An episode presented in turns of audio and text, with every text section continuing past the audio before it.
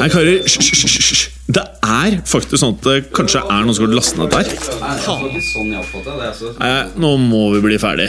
La meg bare få spilt inn her, da. Velkommen til fotballuka!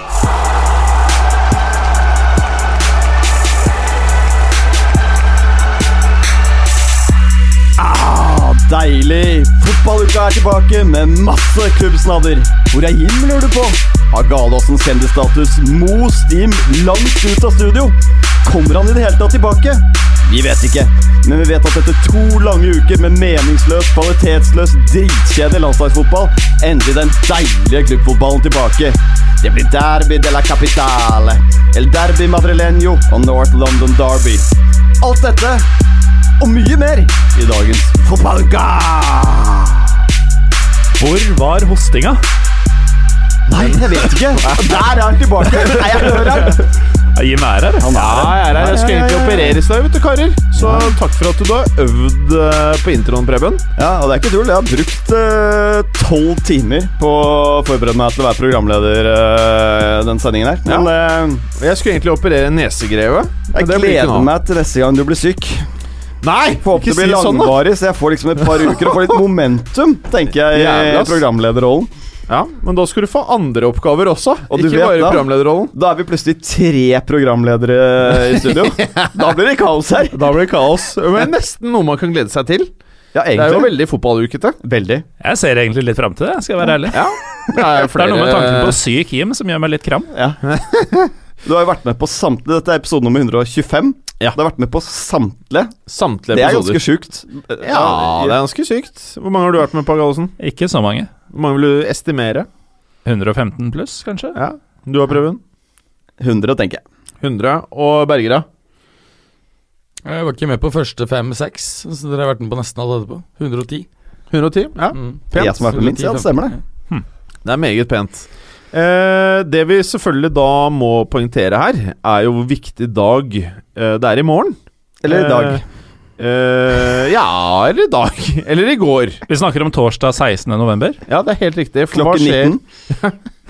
for hva skjer torsdag 16. november klokken 19, Breven? Da er det quiz. Fotballquiz. På Det er viktig å si. Fotballuka-quiz er på pokalen nede Ja. ved Vulkan. Ja. Um, vi får med oss uh, Christian Gauseth. Ja. Kjent fra Mjøndalen, kjent fra TV-programmet som jeg ikke husker hva heter akkurat nå. Alle gutta. Alle gutta. Oh. Som Og var jævlig Fotballekstra. Og Fotballekstra. Og Fotballekstra. Morsom fyr. Uh, Vi lover uh, Og bra. Ja, ganske ålreit type, føles Ja, det som. veldig. Ja. Eh, veldig ålreit fyr. Og mm, nei, kule spørsmål. Eh, Gauseth har selv eh, meldt inn eh, en del spørsmål som eh, Jeg tror ikke man klarer det med mindre han ikke kjenner han rimelig godt, men de er eh, kule. Ja. Eh, og vi må jo kunne si at det, det, Poenget med fotballuka er vel ikke at det skal være vanskeligst mulige spørsmål, Det skal men være god stemning. god stemning. Det lover vi. Det kan vi love. Eh, eller hva, Gallosen? Det kan vi. Ja. Eller hva, Berger? Ja, det er absolutt riktig.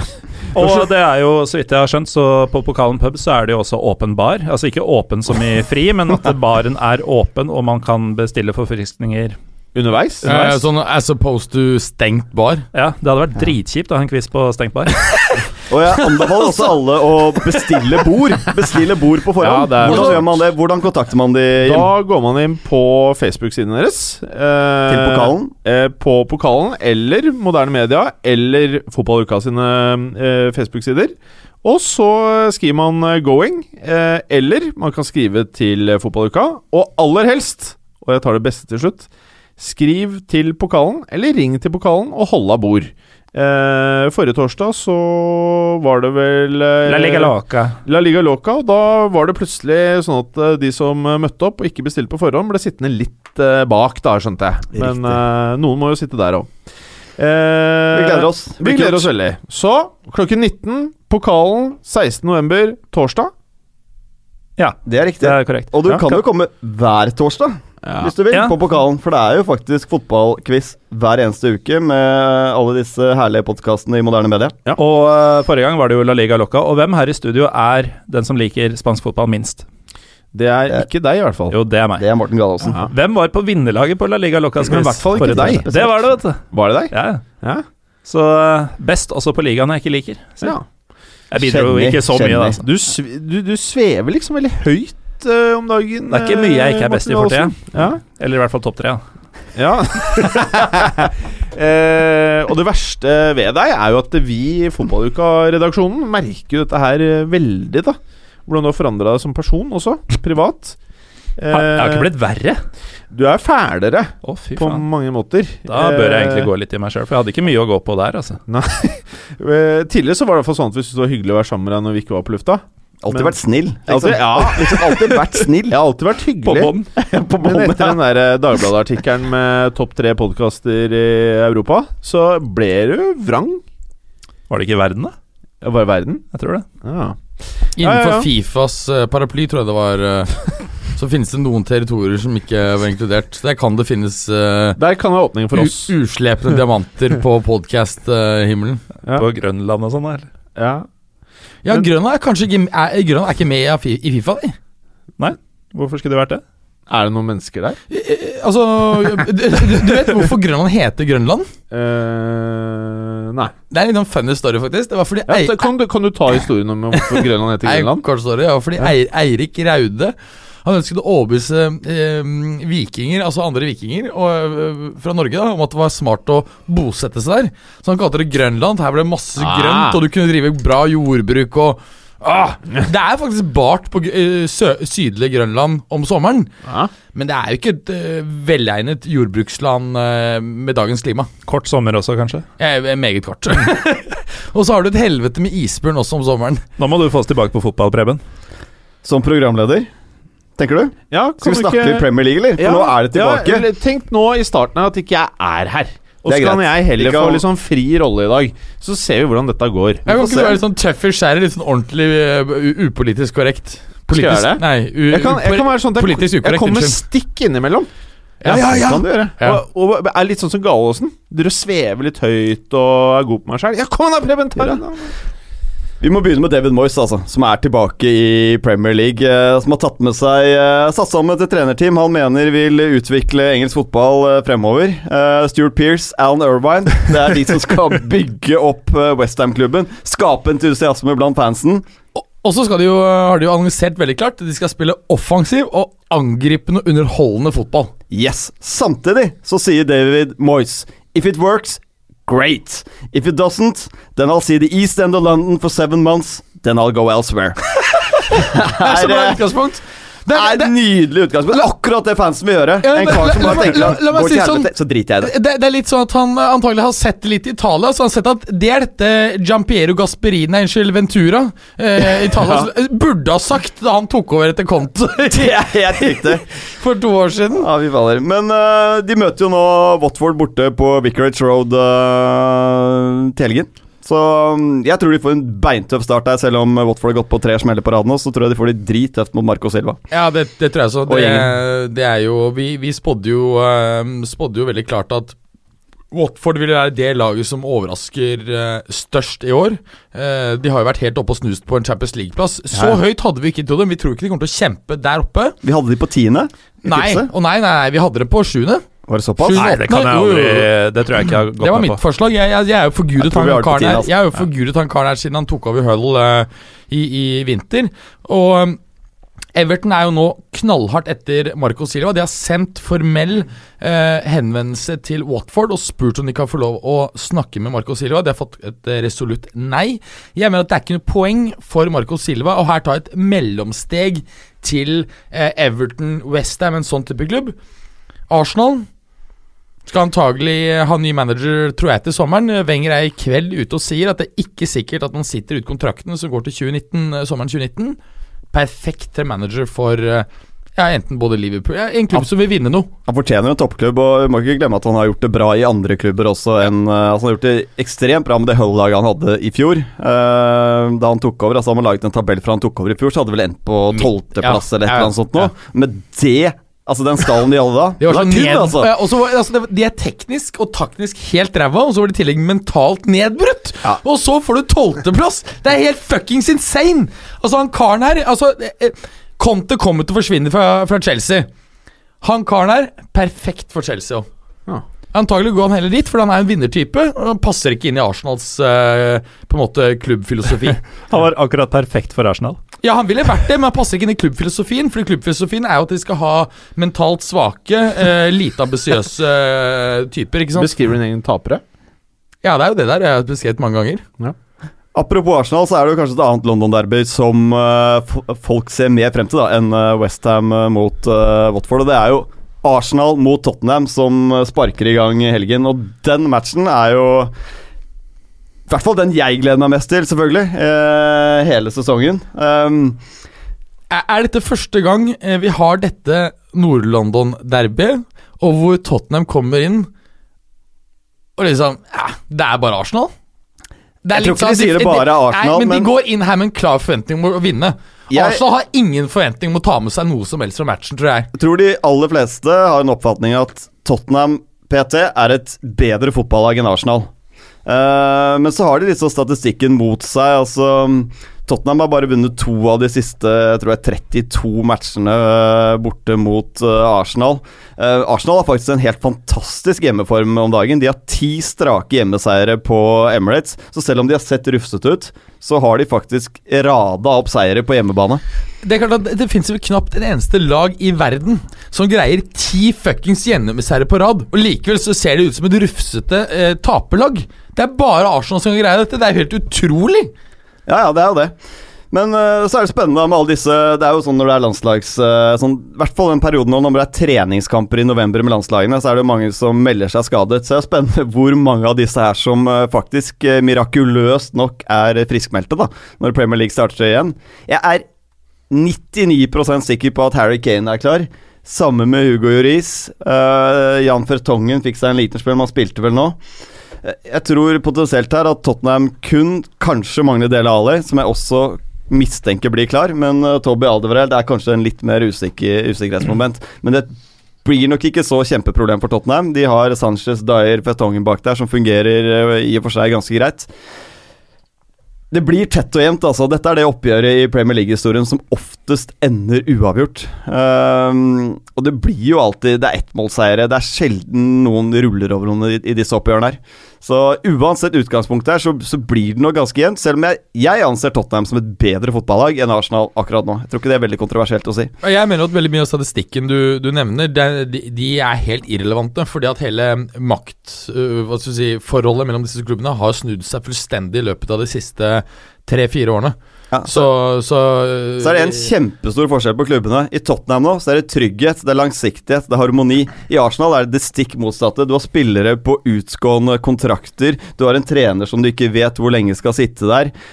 Veldig mye usikkerhet. Mens som jeg sier, i Tottenham så er alle er på lange kontrakter.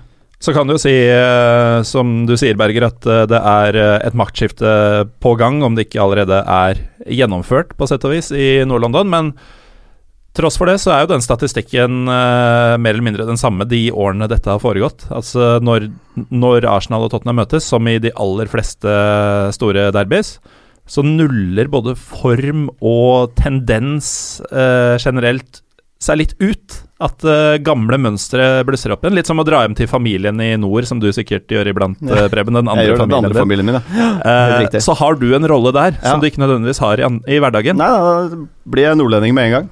Det er Ja. noe med det. Og Så- Tottenham blir uh, litt sånn old school Tottenham så fort de møter Arsenal. Ja, det blir kjempetrøkk. Det blir tett og jevnt. Jeg, jeg blir veldig overrasket hvis noen av lagene her uh, faktisk uh, kjører på med en uh, storseier.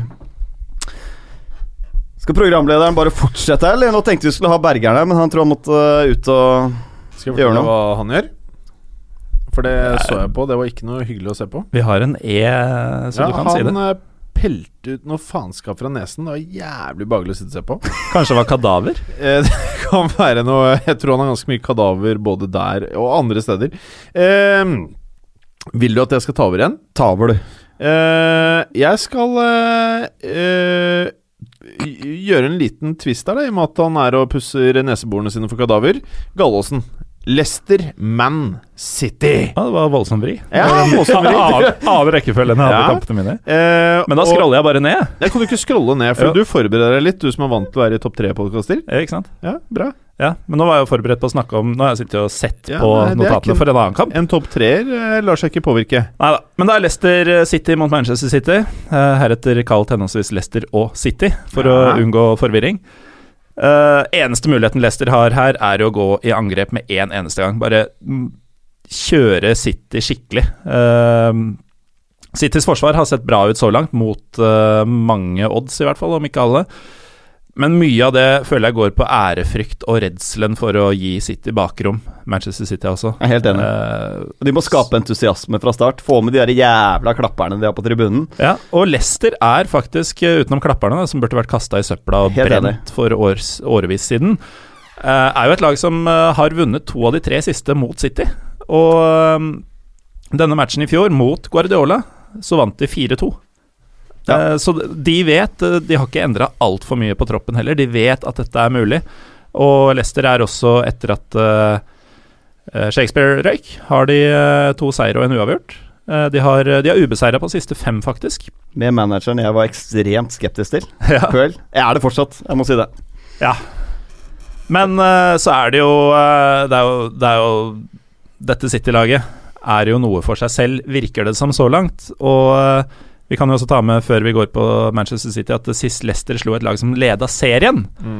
Det var en bortekamp mot Manchester United i januar 1998. Det er en stund siden, vil mange hevde. Så det er en stund siden. Og Men det, det er liksom sånn- sykt, men årsaken til det er jo for at da de vant så mye, så ledet serien hele tiden. United? Leicester, selvfølgelig. Ja, jo. Ja, selvfølgelig. Um, Hvor har du vært, Mads? ja, du er Jeg var, tilbake. jeg var og hentet mer, mer øl. Det var du ikke, det. ikke. Nei, jeg for den har stått på bordet hele tiden. Jeg var tisset, da. Tok, tok ut. Det er ikke det Jim har spekulert i at du gjorde? det Jeg tror du renset en kroppsdel. Ja, på ramma. Nei, noe som er på huret, liksom. En kroppsdel på hodet ditt. I ansiktet. Gjerne noe man ser veldig fort når man ser på et annet menneske. Ansiktet. At jeg renset ansiktet mitt. Nei, en, de, en del av ansiktet, da. Eh, som Og jeg bare vasket munnen. Nei! Over munnen. Nei, vi, vi går videre. Vi går videre. Eh, ingen lag har uh, Nå er vi over på Manchester City. Manchester City, ja. Uh, ingen lag har vært, hatt bedre poengfangst og målforskjell etter elleve kamper enn det City har nå. Ever, liksom. Ever. Uh, det vil si i Premier League-æraen, da. Som Mhm. er det everet vi stort sett opererer med. Ja. eh, til enkeltes Sannsynligvis våre lyttere òg. Ja. Vil jeg anta. Men eh, de, eh, poengfangsten er den samme som eh, den tidligere rekorden, så den er tangert, men de er da på målforskjell foran rekorden som også er på 31 poeng, som også ble satt av Manchester City i 2011-12. Da ble det vel ligamester, hvis jeg ikke husker helt feil. Da vant de riktignok også den tolvte kampen, så det blir jo interessant å se om de klarer å tangere seg selv enda en gang, og i så fall vil de jo fortsatt være foran på målforskjell. Og en av de som kan bidra til det, er jo Sergio Aguero, som er i kalasform. Han har sju skåringer og tre assist på siste fem ligakamper. Altså ti målpoeng på fem uh, ligakamper. Og det litt uh, pussige med disse listene foreløpig i ligaen, er jo at uh, Aguero sammen med Leroy Sané troner begge på poengtoppen, altså mål og assist til sammen, med elleve hver. Mm -hmm. uh, I tillegg så har David Silva og Kevin De Bruyne førsteplassen på assist-lista med seks. Og i tillegg så har de da Raheem Sterling, Jesus, Bernardo Silva kan komme inn og gjøre diverse, så det er jo Ja, Leicester må tørre å ha litt ball og, og angripe, fordi eh, det øyeblikket City får lov til å begynne å dominere, så kan det bli ganske, Ja, det de for ganske fruktbart del fruktbart Ja, for de må, de må unngå det at de blir, altså, legger, blir spilt dype. Altså, Leicester må bare ha baller her, og Mm. tørre å gå for uh, Gå for seieren, rett og slett. Go for glory. Gjør de som i fjor, så har de en sjanse. Ja. Jeg tror hvis du stresser den forsvarsrekka der, så vil de gjøre feil. De Mm. er ikke mer ballsikre enn som så. Dette er en Shinji Okazaki-kamp. Setter du han og Wardy sammen der oppe, Helt så enig. kommer Otamendi og Stones til å bli jævlig slitne. Helt enig. Bra, bra. Eh, Berger, når du var ute og renset eh, kroppsdelen din, så hoppet vi da over eh, Liverpool og Southampton. Har du lyst til å ta oss litt gjennom den der, eller? Ja, la oss ta en, en, en kjapp uh, kikk her. Eh, Liverpool hadde jo en fryktelig formkurve her uh, tidligere i, i høst, men har jo fått litt mer schwung på ting. Kommer uh, fra to strake seire her. Mané er jo usikker. Han uh, ble jo tatt av banen. Han spilte for Senegal her i helgen med det han følte var en, en følelse, en kjenning med en tidligere skade. Usikkert om han er på banen når han kommer. Eh, Når det gjelder, eh, når det gjelder Saints, så, så mangler jo de eh, den, den, hva skal si, den store dirigenten sin, tidligere Juventus-spiller Mario Lemina. Nei, jeg syns faktisk han har klart seg rimelig greit. Altså, på det nivået der så er Lemina en eh, starter. Han er atletisk, Ja. eh, ganske rask, men han er jo et eh, surrehue når, når tempoet skal skrus opp og han skal plassere seg riktig. Helt Men han er helt fin på dette nivået, så jeg skal ikke tulle for mye med han egentlig. Eh, og han, han er en ung spiller, 2-23 år, kan fortsatt ta steg. Eh, interessant med det møtet her, det er jo at, er at Southampton er faktisk ubeseiret på sine fem siste kamper mot Liverpool. Dette er i alle konkurranser. Fire av de kampene kom i fjor. To tap og to uavgjort fikk eh, Liverpool mot Southampton. Mot farmerlaget sitt. Ja, ikke sant? Ja, Mer eller mindre. På tross av det kontinuerlig tar ut de beste spillerne.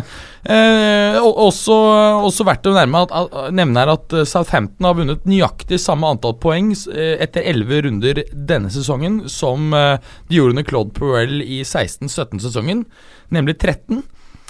Jeg Tror det Eh, blir sånn kjedelig sesong jeg for Southampton-fans, hvis det er veldig mange der ute. Det vet jeg ikke. Men eh, det blir litt sånn Det blir en 12., 13., 14. plass, Ja. tror jeg. Altså, de er gode nok til å holde seg komfortabelt, men det er noe Jeg syns det er noe litt sånn kjedelig over dette Southampton-laget for øyeblikket. Det gir meg ingenting. Det er ikke sånn når jeg ser det er en Southampton-kamp at jeg skrur på den matchen her.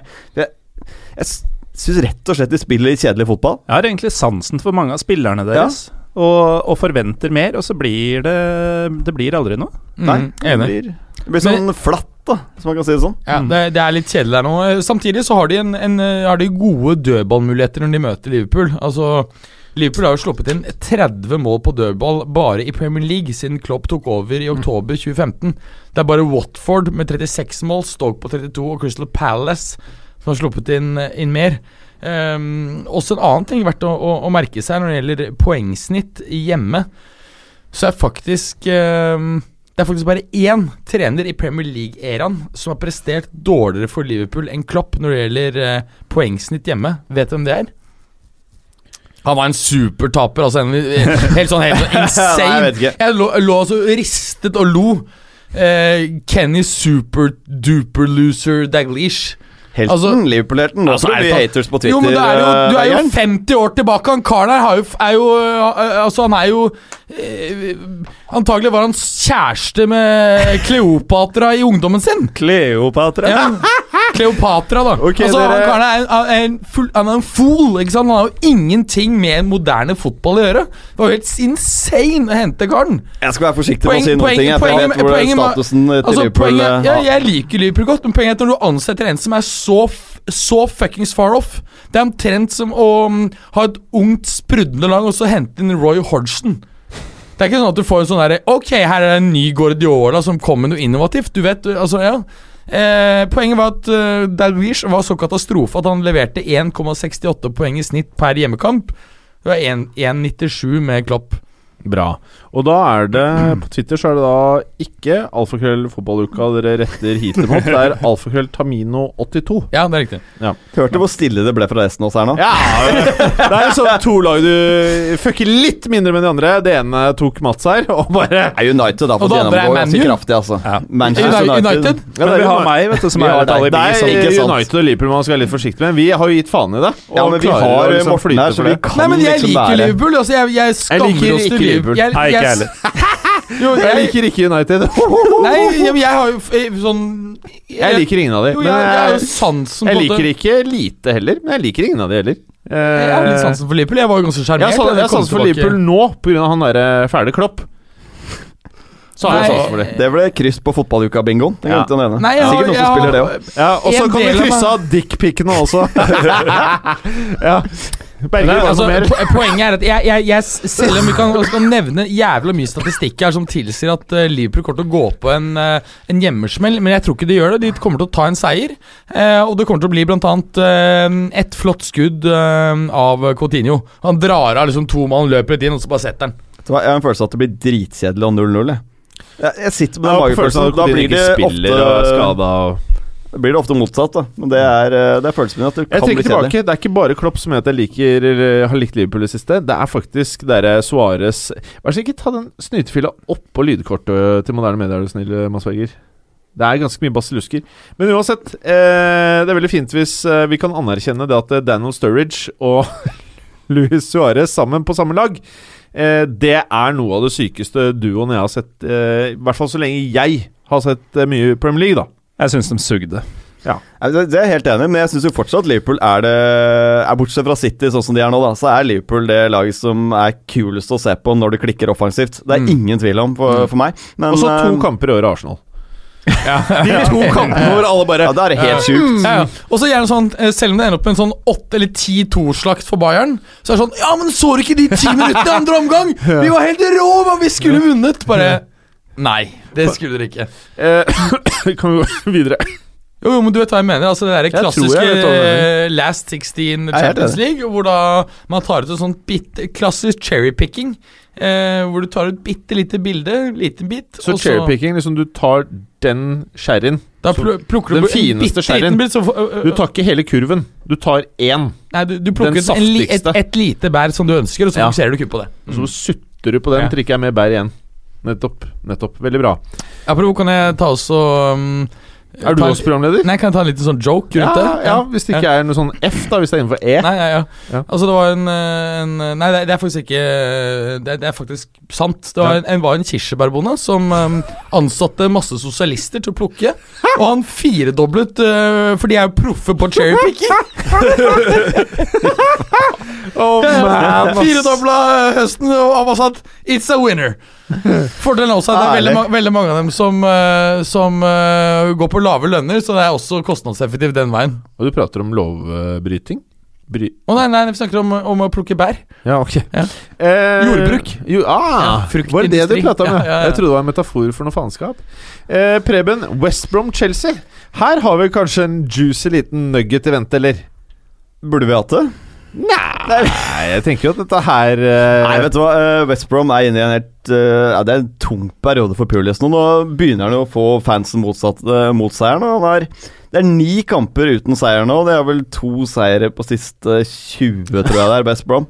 Det passer ikke helt perfekt for Pulis at det er Chelsea som er laget de møter nå for å prøve å snu trenden. Chelsea er nemlig det laget som West Brom West Brom taper mest mot i, i Premier League. Altså Det er vel Det er ikke akkurat Arsenal. avskrekkende å møte Morata, liksom. Nei, men du vet han har Er det syv mål han står på nå? Ja. Ai, ai, ai.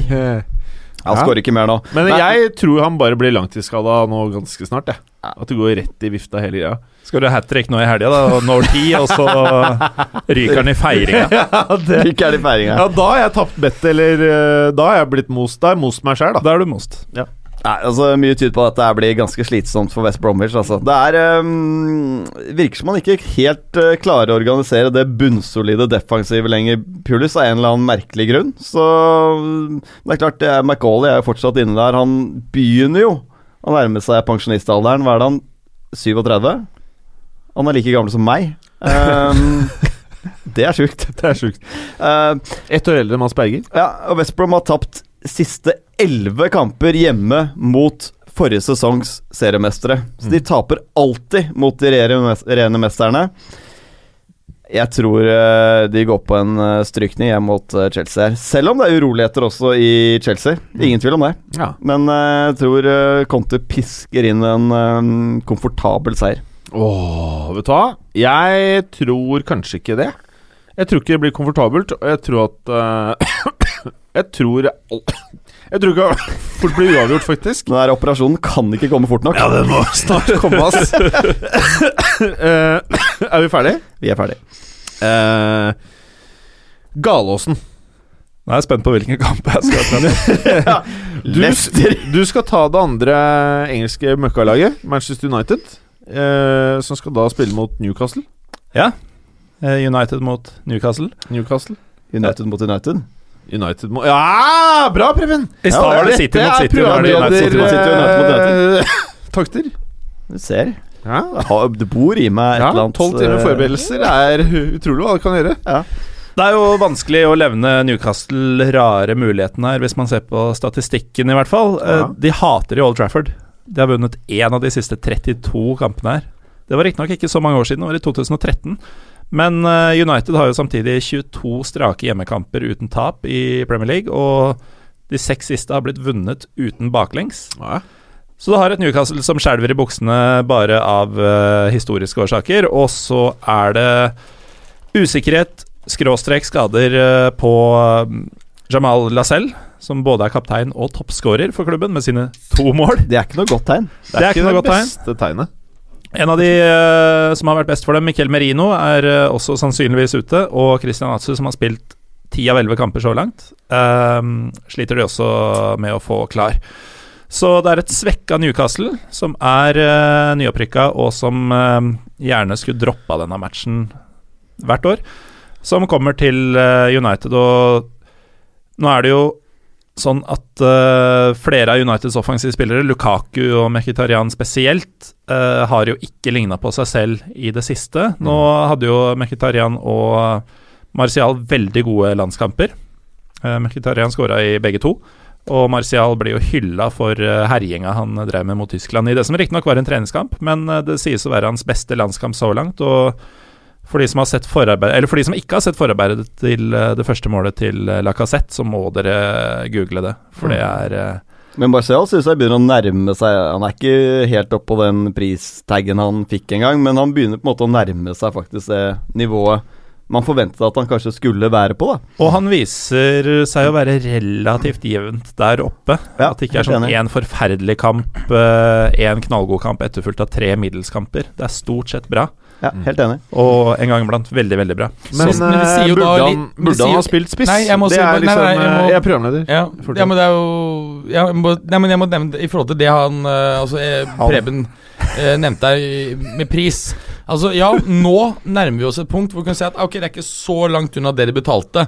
Men da har vi hatt en situasjon hvor markedet har gått spinnvilt i to år, og han har utviklet seg klart.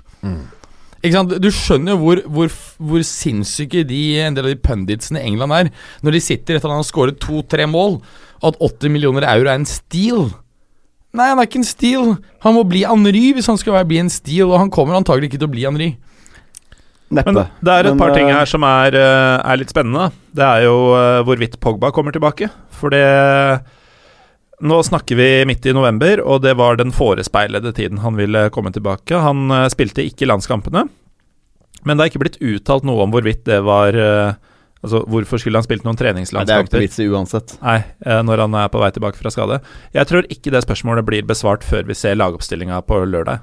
Og de skriker etter kreativitet, uh, Manchester De skriker etter Pogba, fordi nå har jo Mkhitarian forhåpentligvis for deres del spilt på seg litt selvtillit uh, i landskampene. Han spiller jo for et møkk dårlig lag, altså det kan jeg si som nordmann at Armenia er.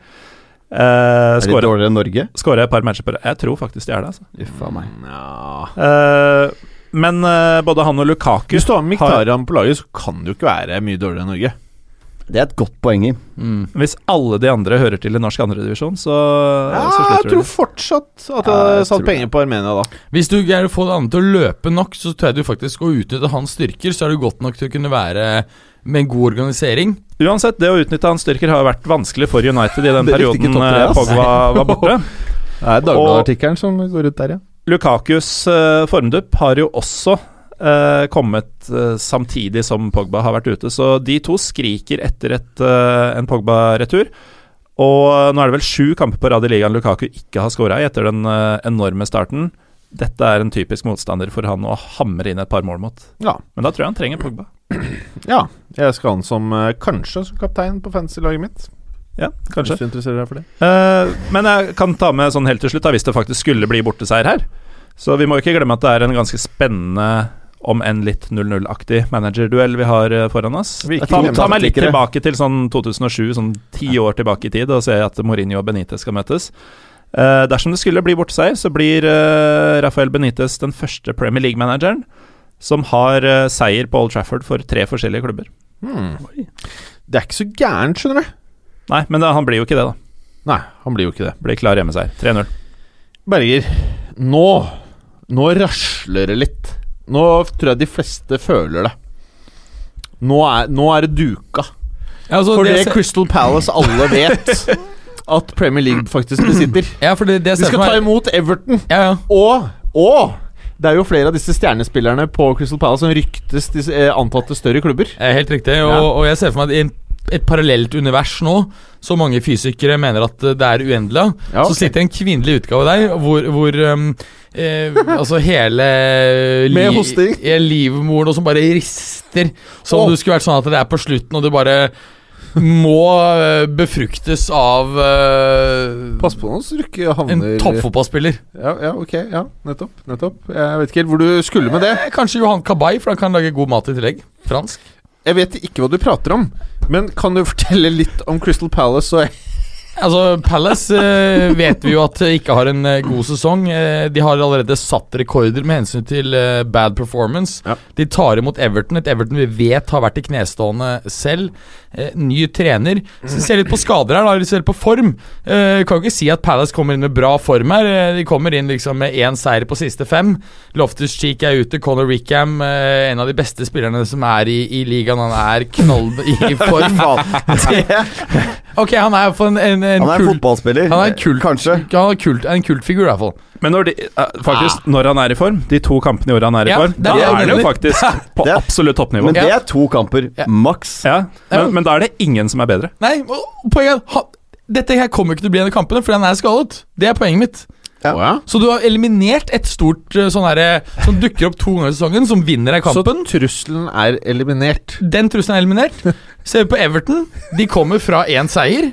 Det er ikke bare bare til å være Everton i denne sesongen. Nei de har eh, Idrissa Gaye, som har vært jævlig god. En av de få som jeg syns har vært gode tidvis for Everton denne Og sesongen. så har tatt knekken på Sigurdsson. Ja, Han er uh, suspa for Gaye, og det er mange andre som er skadet her. Mange. Um, vi må også nevne her at, uh, at Everton uh, sist har holdt Altså Everton har nemlig holdt Er du eh, enig at på papiret dette her er vanligvis en kamp jeg veldig gjerne eh, prioriterer foran andre større oppgjør? Mandag kveld, Flomlys, Sellers Park, Palace, Everton. Ja. Den hadde jeg satt på. Absolutt. Er det den som går på mandag? Nei, nei, men hadde Nei, det vært du det skjønner liksom Ja, fordi Hadde det velger, vært det? velger alltid den sånn absolutt minst interessante kampen til mandag. Ja. Så dette det Sånn at det absolutt blir null seere. Ja. Men da var det ikke sånn, da. Ja, men Da er det vel serie uansett. Altså Jeg ser alle fredags- og mandagskamper hvis ikke jeg er på uh, fylla på fredag. På mandag kan jeg være på fylla mens jeg ser match. Du kan nyte Brighton Stoke du på mandag. Den trekker deg rett Den suger deg inn i skjermen, Morten. er man ute på fredag og sitter i en middag, så kan du ikke uh, se matchen. Men det er veldig sjelden at det er på mandager. Dine kamprutiner er annerledes enn andre sine. Ja. Du har annerledes kamprutiner, og det er helt fint. Sa du det, Preben? Jeg sa bare at Brighton Stoke er mandagskampen. Jeg tror ikke den trekker alle Jeg til. TV-skjermen. Jeg kan si noe, jeg skal ikke se den. Nei. Men vet du hva, jeg holder Palace som favoritt. Jeg, mot Ja, den. Palace, For det er tre jeg- poeng. Er tre jeg poeng. syns de var gode mot Tottenham uh, rett før landslagspausen nå. De Det var uflaks at ikke de fikk med seg i hvert fall ett poeng. De burde få tre i den matchen her. De var bedre enn Tottenham på, på Wembley. Jeg syns det ser mye bedre ut, og hovedgrunnen tror jeg ikke er Roy Hodgson, eh, nødvendigvis, men eh, at de har fått Saha tilbake, som er ja. Han er altfor god for det Crystal Palace-leiet. Eh, Topp ti! Topp ti mest underholdende spillere på uh, sin beste dag i Premier League. Ja, jeg, jeg er helt enig. Han er også for god for, eh, for laget. Og det har mange eh, statistikker jeg kan dra opp her som tilsier at eh, Palace skal få med seg noe. Kan bl.a. nevne at eh, Everton, som har holdt buret en rekke ganger mot Palace, eh, ikke har holdt buret mm, rent fem kamper på, la, på rad mot noe lag. Fire ganger har de gjort det mot nettopp uh, Everton, og det er eh, også gjort uh, tilbake Altså for langt tilbake mot Sunderland. Uh, vi kan også ta frem noen morsomme statistikker når det gjelder spennende spillere. Ta den Eller- morsomste du har. Ja, altså litt, Hva er den litt morsomste? Nei, altså Andros Townsend Han er også en spennende spiller. Altså Veldig. Morsom å se på. Ja. Han er den spilleren i Premier League som har slått motstandere, altså én-mot-én-situasjoner, flest ganger. 36.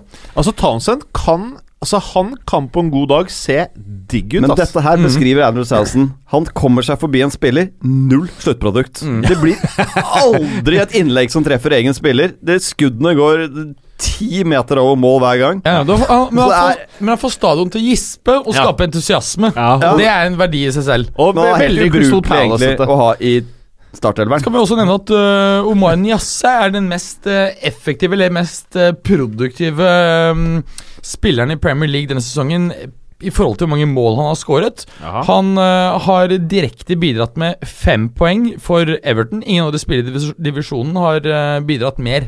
Altså direkte med mål, hvor mange, hvor mange poeng de har resultert i. Men samtidig så er det et svakhetstegn når, når du må bruke Omar Niasse på topp. Ja, ja. Da, da er det egentlig ganske krise, for han er en blant de dårligste fotballspillerne i Premier League. Men du- han eh, er på riktig sted av og til. Men uh, Det var så Nei. surt da han kom inn og snudde da Bournemouth eh, så ut til å vinne på Goodison. For det er sånn, en, en ting er å tape poengene, men når det er han man ikke klarer å holde i tøylene eh, han karen der syns jeg ikke bidrar egentlig med noe. Det er litt som eh, Jeg føler at Dio, norske Dio De er ca. på samme nivå. Så Dio med en litt sånn flytsesong kunne gjort det samme som Niassi gjør nå. Tenker du på Diomande? Ja. Diomande var jo fryktelig mye bedre enn Nias i Tippeligaen. Ja. Så der kan du jo se hvor dårlig Nias kan være. Ja, Ja, men, uansett, han da. Har Eh, sikra noen poeng. Det skal han ha. Hva, hvordan ender dette her, da? Bergeren? Jeg er også, jeg er også heldig mot at Palace uh, i hvert fall tar poenget, og så antagelig kanskje vinner. En HU. Ja.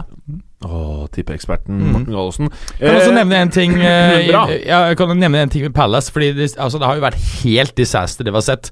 Uh, Tidvis. hvis du ser borte fra selvmål, så er det bare to ganger man har Altså, det er bare to forskjellige eh, målskårere på Palace i løpet av så lang tid. Og dette har bare skjedd to ganger tidligere eh, på det tidspunktet i sesongen. Og det var faktisk Manchester City i 95-96-sesongen. Charlton i 06-07. Jeg trodde de faktisk røk ned, røk, forsvant ned i sånn 04-05, ja. Før jeg leste den statistikken her. Surprise! Sunderland i 10-11. Og Aston Villa i 14-15. Det er ikke noe godt selskap. Det er ikke Nei, det nei, selskapet du er Altså, på. Sørland og Villa Vi satt og lo og lo. Ja, ja, ja. Sørland savner jeg litt. Ja, eh, ja, de savner det. Ja, vi si. Og de Det kommer til å savne lenge. De ligger jo på nedrykksplass nå i Ja, championship. det er trist, altså. Mm. Det er trist. Er det? Men, men jeg savner faktisk ikke Villa. For de føler jeg liksom De kjørte mot styrt nedrykk på en så arrogant måte. Sunderland på klønete vis prøvde liksom å ta noen grep, men mislykkes. Men Men- men- historisk så er jo Aston Villa et Det skal være et Premier League-lag. Det Absolutt. er, eh, vi skal ha det der oppe. Men hva er det som skjer med Sunderland? Noen som vet det, eller? Er, Ja, de taper eh, kamper, tror jeg. Ja. og sier du det? Nei, men Det er jo bare en eh, Det er jo en klubb som har gjort alt feil i en bortimot en tiårsperiode. Mhm. Og det kom jo tilbake og beite med ræva omsider forrige sesong. Og det som skjer nå, er jo bare en naturlig fortsettelse på den snøballen som har rulla i årevis. Det er et eksempel da, når du har eh, strukturen er helt gæren på toppen. Bare forplanter seg nedover. Mm. Så Litt sånn som i fotballuka, med Galåsen som bare forplanter seg gjennom hele redaksjonen. Nei, men Sorry Ja. å si det, men det er litt sånn som Westham ser ut nå. Det Mm. virker som de gjør alt feil, da. Ja. Eh, de har egentlig jævlig mye penger, men de forvalter de helt gærent. Eh, de har ikke noe langsiktig strategi på hvor de vil hen, Men- det som. Men vi skulle ikke veldig langt tilbake i tid med Westham før vi satt der og var veldig positive. Nei, men det snakket vi om forrige uke, eller to uker siden, at uh, da, da Bilic kom inn, da, så fikk de et veldig La oss si det, det var et heldig kjøp at de hentet Dimitri Payet. Ja. Han slo til som man ikke kunne forvente i det hele tatt. Eh, og de hadde fra Allardyce-tiden, som vi også var inne på, et godt organisert forsvar. Som et godt organisert forsvar, og Dimitri Payet, så kom de faktisk ganske langt. Mm. Så forsvant Payet, så smuldra den defensive organiseringen etter hvert uh, opp. Og da er vi der vi er i dag. Virker som det er uten plan uh, og, og langtidsvisjon da, på hvor vi vil være fra Westham-ledelsen. Mm. Så det er litt skremmende, for det er jo Westham er jo egentlig en stor klubb. Mm. Ja, og hvis uh, vi i tillegg ser at uh, Moyes her henter uh, Asier Yaramendi, som han jo hadde så nært forhold til i hos Sociedad Problemet er Det kanskje bli at det han, mest utenkelige kjøpet. Problemet er kanskje bli at han ikke Mange vil hevde at Asier Yeramendi er blant de fem beste midtbanespillerne i Spania Og langt i. Ja, øh, og så er det det at- problemet er at eh, de i Spania ikke kommer til å oppfatte hvilken spiller han sikter til. Husker du ikke den pressekonferansen? Han satt og måtte bare finne Hva faen er han heter igjen? Han fyren. Hva er han heter? Hva er han heter? Eh, Og så fant du så måtte ta han fem-seks ganger. er sånn, Du har én god, kjent spiller på så Bare lær deg fall hva faen han ene heter. Eh, Kan vi gå videre til Europa? Ja, absolutt. Jeg er Ja. veldig ferdig med Premier League nå, nå. dette her er jo juicen i dag, da. Eh, Berger. Er Roma Lazio. Eh, først må jeg få introdusere det. Programledertittelen er jo det eneste jeg klamrer meg fast til. Du skal prate om Serie A! Ja, Ja, eh, det, sant? det, det er I Italia der er det nå landesorg og fullt oppvask. Alle er ute og klager har, etter at eh, Italia da ikke kommer til eh, verdensmesterskapet i herrefotball eh, for første gang siden eh, 58. Helt riktig, og da ble det spilt i, i Rosenok Sverige, som nå også tok rotta på dem. Ja, det var ironisk. Ja, eh, og um, Saki er jo ute og beskylder eh, alt for å være Conti sin skyld. Eh, fordi Conte lurte presidenten i eh, Fotballforbundet fordi at han trodde det var så Fordi han valgte Conte, og da trodde han plutselig at det var så lett å velge trener. Og når han da plutselig valgte eh, Ventura, som er en kødd, som er en nobody, Åh, så trodde han det skulle bli så lett. Det er selvfølgelig media som igjen da vrir på ting, ikke sant. Men landet er i knestående og, og helt nede i, i sine egne støvler. I støvlene? Eh, spørsmålet er kommer dette til å gå ut over mange av lagene denne runden. Jeg tror laget dette kommer til å gå utover, er Juventus, og ingen av disse lagene, i hvert fall ikke Lazio. Altså Roma-Lazio, det er akkurat det det opphøret der. Det trenger italiensk fotball den helgen her. Å Ja, ja. Få en sånn opptur og entusiasme, få et eller annet Og eh, spesielt- trøkk, da. Spesielt i den posisjonen som begge klubbene er i nå. Ja. Du har jo ikke sett noen av dem bedre enn eh, Eller ja, du, må fem, Roma. du må 15 år tilbake mange, mange år. for å finne tilsvarende. Så øh, når det er sagt, så er det jo veldig mye greier i Italia nå om at de må altså, At Calcio er i krise, og at fotballen er i krise. At de må gjøre noe, at de må endre på ligasystemet, og det er ikke måte på. Siste de må gjøre, er jo å endre på noe som helst i uh, italiensk fotball akkurat nå. Ligaen er jo helt Ligaen har jo ikke vært Ja, ja. mer interessant på nesten så lenge jeg kan huske. Jeg er 20 år, tror jeg. 20 Siden jeg begynte å drikke. Ja. Jeg, jeg, jeg, jeg er 20 år, da. Nei, det er vel noen 20 år. Nei, men men altså. Jeg sitter og prioriterer Serie A-matcher eh, foran en haug med Premier League-matcher Ja, ja, hver eneste helg. eh, En haug med La Liga-matcher også. Det er jævlig Det er- rart. Det er også at, altså, Eh. at, at hastigheten i italiensk fotball faktisk har i mange oppgjør blitt skrudd opp ganske betraktelig. Det er veldig bedagelig. Jeg har vært vant til at jeg sitter og setter en annen vei, og så hører jeg noe skriking, og så ser jeg Ja. fem sekunder. Men og da apropos skriking. alt som skjer. Når vi er inne på Serie A og hvor fett det er for tida, så må vi komme med en liten shout-out til det som er, ifølge meg, eh, kanskje Norges beste kommentator for tiden, Rolf Otto Eriksen. Mm.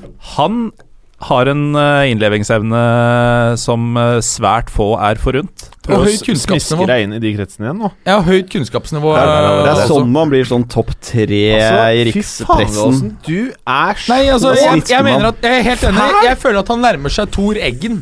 Ja, Eh, og er, det er- er hedersbetegnelse, altså. Eh, og som må en, en Ikke eh, heng ut folk på direkten her, da! til, til, til, Tor Eggen er til, nydelig. til Petter vi Wæland, som jeg syns at morgen. kunnskapsmessig kanskje er best. Hvis jeg kunne ha paret uh, Tor Eggen Hvis du parer to, Tor Eggen og Petter Veland, så får du Rolf Otto Eriksen. Det er Jeg kødder ikke.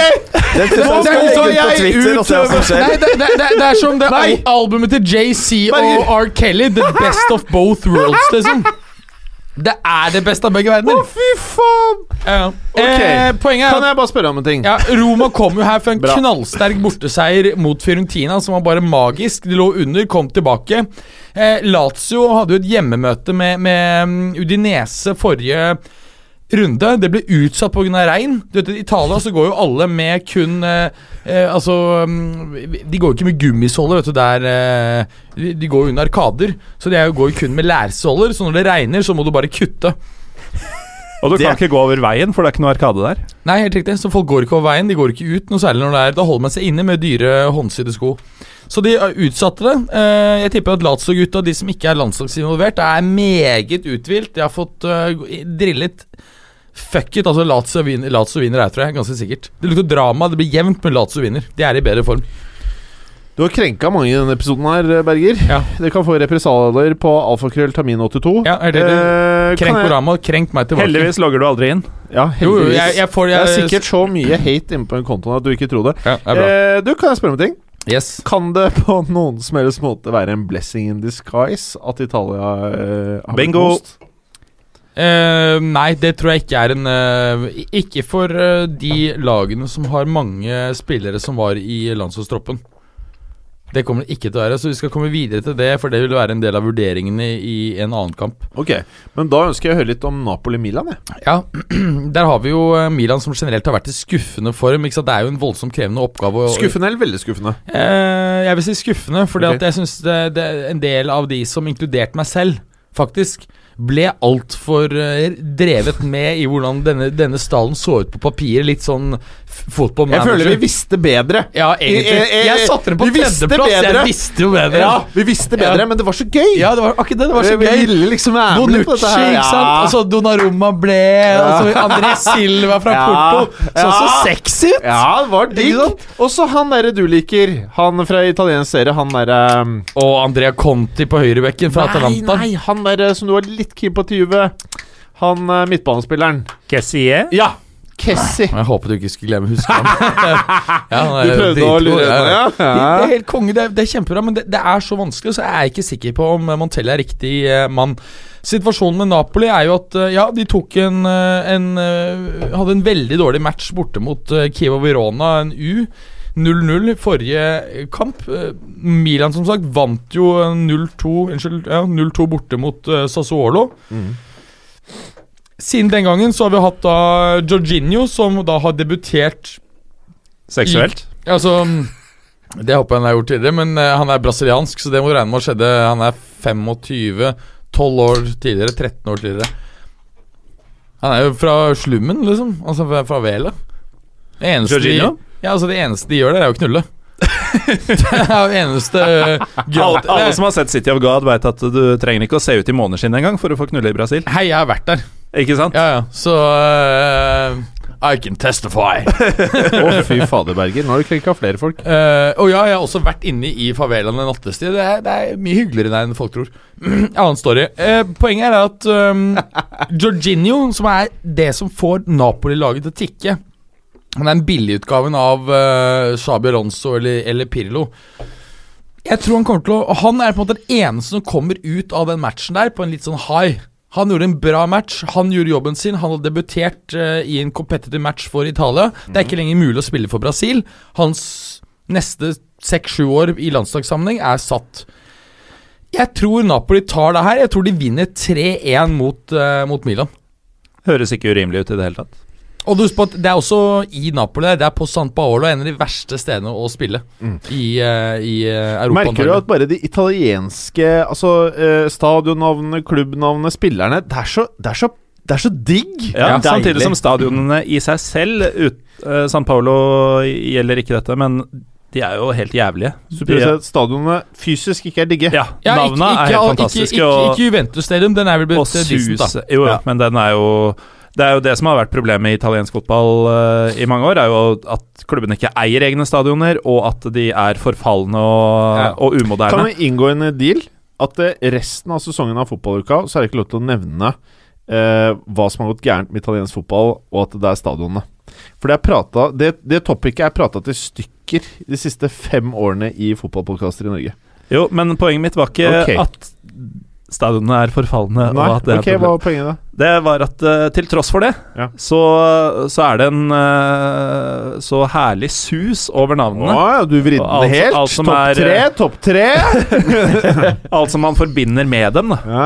Er jo disse nydelige klubbene med Alle har jo fine drakter i Italia. Mm. Og ja, Nei, det blir en lekker match fra San Paolo. Apropos fine, fine drakter. Sampdoria, Sampdoria Juventus. Ja, det er to flotte drakter der. Ja. Sampdoria er mitt gamle favorittlag. Altså, Hvilke storheter er det som har vært der for disse kidsa som At hører det på oss? var, eh, Lombardo. Ja. Manzini, blant annet. ja, Roberto Manzini og Attila Lombardo um, ja, Nå må jeg begynne å tenke var det? Ja, han var vel kanskje det. Jeg tror det. Det er langt tilbake i tid, dette her. Men uh, Vjerkovod spilte vel i forsvaret der? Ja, altså, ja helt riktig. Helt riktig. Ja, Vjerkovd Ja, uttaler meg vel. ja. Vjerkovd? Ja, Virkovd. Den Ja. siste O-en er stum. Vierkovdo. Nei, Vierkovod. Vi vet hvem vi snakker om, i Verkovod, hvert ja, Vjerkovod, ja. Men Ja. eh, uansett, det er jo Spilte han også for Juve? uh, Nei, det var, Nei. han spilte veldig lenge samt året, tror jeg. Ja, men han gikk til en større klubb også. Jeg trodde det var Juve. Okay, Men ja. uh, dette er jo men, men, men det er litt interessant, for at du har jo liksom enkelte områder i Italia hvor de plutselig har helt andre navn. For eksempel um, hvis du ser um, på de som hevder seg i vintersport, så er det ofte liksom Manfred. Altså sånn tys, eh, ikke sant? Det, det er jo sånn del av Mølg. Ja, Ja. ikke sant? Ja, det, det er jo en sånn del av Italia som egentlig ønsket å være en Altså Syd-Tirol, eller hva faen de kaller seg, som egentlig føler seg mye mer som østerrikere. Og så er det gitt da selvfølgelig maksimum eh, spylt inn penger fordi de ikke ønsker å miste territoriet, og så har de vært happy. Eh, samme med Aostadalen, som til og med har sånn spesiell eh, autonom eh, status. Men jeg må bare skyte inn at jeg hadde rett. Vjerkov spilte en sesong for Juventus. Fikk 21 Stemmer kamper. det. 95-96-sesongen han var med å vinne eh, Champions League. At du ikke visste dette. Men eh, da er jo dette Lombardo og Vjerkovod-derbyet. Ja, det er det. Er det. Og, og, men, men poenget er altså både Juve og Sampdoria kommer med helt sånn decent shape inn her. Jeg tror at Juventus uh, er Altså Enten så kommer du til å få en kraftig motreaksjon fordi at Juventus sin stamme alle var med på dette forsmedelige mm, tapet mot Sverige, eller så får du den andre reaksjonen. Hvilken? Jeg er ikke sikker, for husk på at eh, ganske mange av dem så er det ikke bare et tap, det er at landslagskarrieren er over. Buffon burde jo nesten ikke spille aldri. denne kampen. Han var jo helt ferdig. Ja, ikke sant, men du er også Barzali er ferdig der, ikke sant. Kilini eh, Altså ikke ferdig, men han, han var jo helt i kjelleren etter matchen. Ja, ja, ja, ja. Han Men jeg tror Stetsjny kommer til å få ganske mange kamper for Juventus eh, denne sesongen her, altså. Ja, jeg også tror det. Eh, og, men, men Buffon har jo sagt at eh, hvis Juve mot formodning skulle vinne mm, Champions League, så skal han være med å spille VM for klubblag. Det kan jo fort bli en eh, Og du vet at da er det bare seks måneder du skal forsvare. Du er ganske legende når du sier 'da skal jeg være med'. da er du ganske legende, altså. Bare Du har unna 40, men det er, det er Ja, skal jeg bli med, deg! Spille litt VM i klubblag. Jo, men altså Faktum er, se på Italia. Det er jo ikke fordi de har sluppet inn så mye mål. Det er jo fordi det er dritt femmer. Han holder jo fortsatt nivået, men jeg uh... De må kjøre Balotelli 90 minutter hver runde. Nei, altså Her må du bare kjøre Chiro Immobile. Han er the real deal. Apropos eh, Ital Italia, italiensk fotball, italienske navn og alt dette greiene her. Har dere sett den der serien eh, Suburra? Nei, jeg har hørt så mange snakke om den. Fortell. Eh, f ja, altså vi har en tendens til å prate om andre ting, bare fotball enn podkasten her. Eh, Suburra, det er eh, hovedkarakteren her, en som heter oh, hør på de navnene her. Hør på de navnene her. Eh, hovedpersonen heter Aureliano Adami. Auriel, Ar, Aureliano Adami. Er det noe i forhold til hovedpersonen i Gomorra, som heter Chiro di Marcio? det er pent. Og så har du Spadino Anacleti. Og så Gabriel Marcilli. Og så er den slemme hovedpersonen heter Samurai. Eller han blir kalt Samurai. Ok, Han, er, han slemme her heter Pietro Savastano. Og han er meget Han kødder du faktisk altså, ikke har, med. dere, har dere sett Gomorra-serien? Nei, nei. Ja, ja, ja, ja. Sesong tre og fire kommer nå. Eh, Ja, altså, det, det, det, Eller det, tre er ute. Den, uh, eh, Jeg trodde det bare var en film. Er tre ute?! Ja! Når kom det?! For ti måneder siden. Nei, nei, nei, nei, nei. Sesong tre er ikke kommet. Jo. Nei, nei, nei. Jeg lurer på åssen dere rekker å se alle disse TV-seriene når Vi det er eh, tre fotballkamper om dagen. barna, skal, ja, det er Du er studio. Du har så Altså, du har barn nok til hele gjengen. Du har vært i Tromsø har- i dag for å spise middag Altså, med noen ja. av de andre barna dine. Er vi oppe i åtte-ti barn? Er det der vi er? De som er proffe på slengere, de passer på å sette dem på andre kontinenter. I hvert fall andre sånn eh, Ja. Deler av det innlands... i innenlands uh, Nei, altså Enten må det være store mengder uh, Ja, ja, saltvann men- men- mellom deg og barnet, eller så må det være på en totalt annen del av den. Altså en totalt annen del av den eurasiske landmassen. Det vil si type Indokina. Det ser sjuke er at det høres ut som du eh, refererer til faktisk eh, vitenskap på eh, emnet. Eh, jeg har lest noen rapporter på det. Blessing in disguise så du begynte å prate om det her. Kan, kan vi ta Sampdoria Juventus? Ja, Det var jeg ikke ferdig med. Så Nei, at det, ble- det ble U. Jeg, jeg, jeg, du jeg, sa det. Jeg, er helt, jeg er ekstremt usikker på hvordan uh, Juve-spillerne håndterer det. Enten så eh, får du en respons som er knallbra. Husk på at det er også noe fremover her. ikke sant? Du hadde spillere som eh, Federico Bernadeschi, som, som har vist noe etter hvert veldig Han har fått veldig lite spilletid, men fått vist veldig lovende takter i Juve. Kom inn på slutten, greide ikke å avgjøre det for eh, Italia. Det blir spennende å se hvordan han eh, Det er klart han Det er ikke han som har båret det laget på sine skuldre. Hvem er det som bærer Inter når de tar imot Adalanda? Eh, han som bærer Inter, er antagelig den verste personen som noensinne har vært involvert i fotball, etter Mauro Icardi. Eh, jeg må jo si at han er, eh, han er verste individet tror jeg vi har hatt i, i, i fotball noen gang. Men fy faen for en god målskårer. Ja, ja. Altså Han er der ballen detter ned på de innleggene. Og så har han Hele tiden. Ja, ja. Jeg klarer ikke å mislike den. Nei, jeg, Jeg gjør faktisk ikke det. klarer å mislike han, og Nei, jeg på klarer tross det meget godt. Ja, han er en pikk. Jeg, jeg, er Men, en forferdelig type. men uh, han har et fantastisk navn. Eh, og han har et fantastisk navn, ser pent ut bakpå drakta, Men og han er- putter mål. Han er jo kaptein, da, Ja. Inter. Han kan Ja, jo ikke det? være sånn Ja, Ja, ja. han er kaptein. Jeg tenker at uh, Stallen kan jo ikke hate Icardi. Da hadde ikke Icardi vært lagkaptein. Nå ble Og Inter hadde ikke gjort det så jo, jo, bra. Inter er ikke en sånn Husk på at Inter så er det ikke noe miljø. Ingen liker hverandre. Det er bare sånn at De er ansatt her og skal skape fotball. Det er det som er Derfor Inter I ikke kunne til Men er eh, det historisk? For det virker ikke sånn sånn som de ser ut nå under Spalletti spesielt. Så Eh, virker det mer som litt sånn generelt, det er sånn generelt. Inter har vært. Ikke sant? Du Ja, ja. putter inn bare enkeltindivider, gjerne fra ikke Italia, så du har ikke en, en lokal stamme.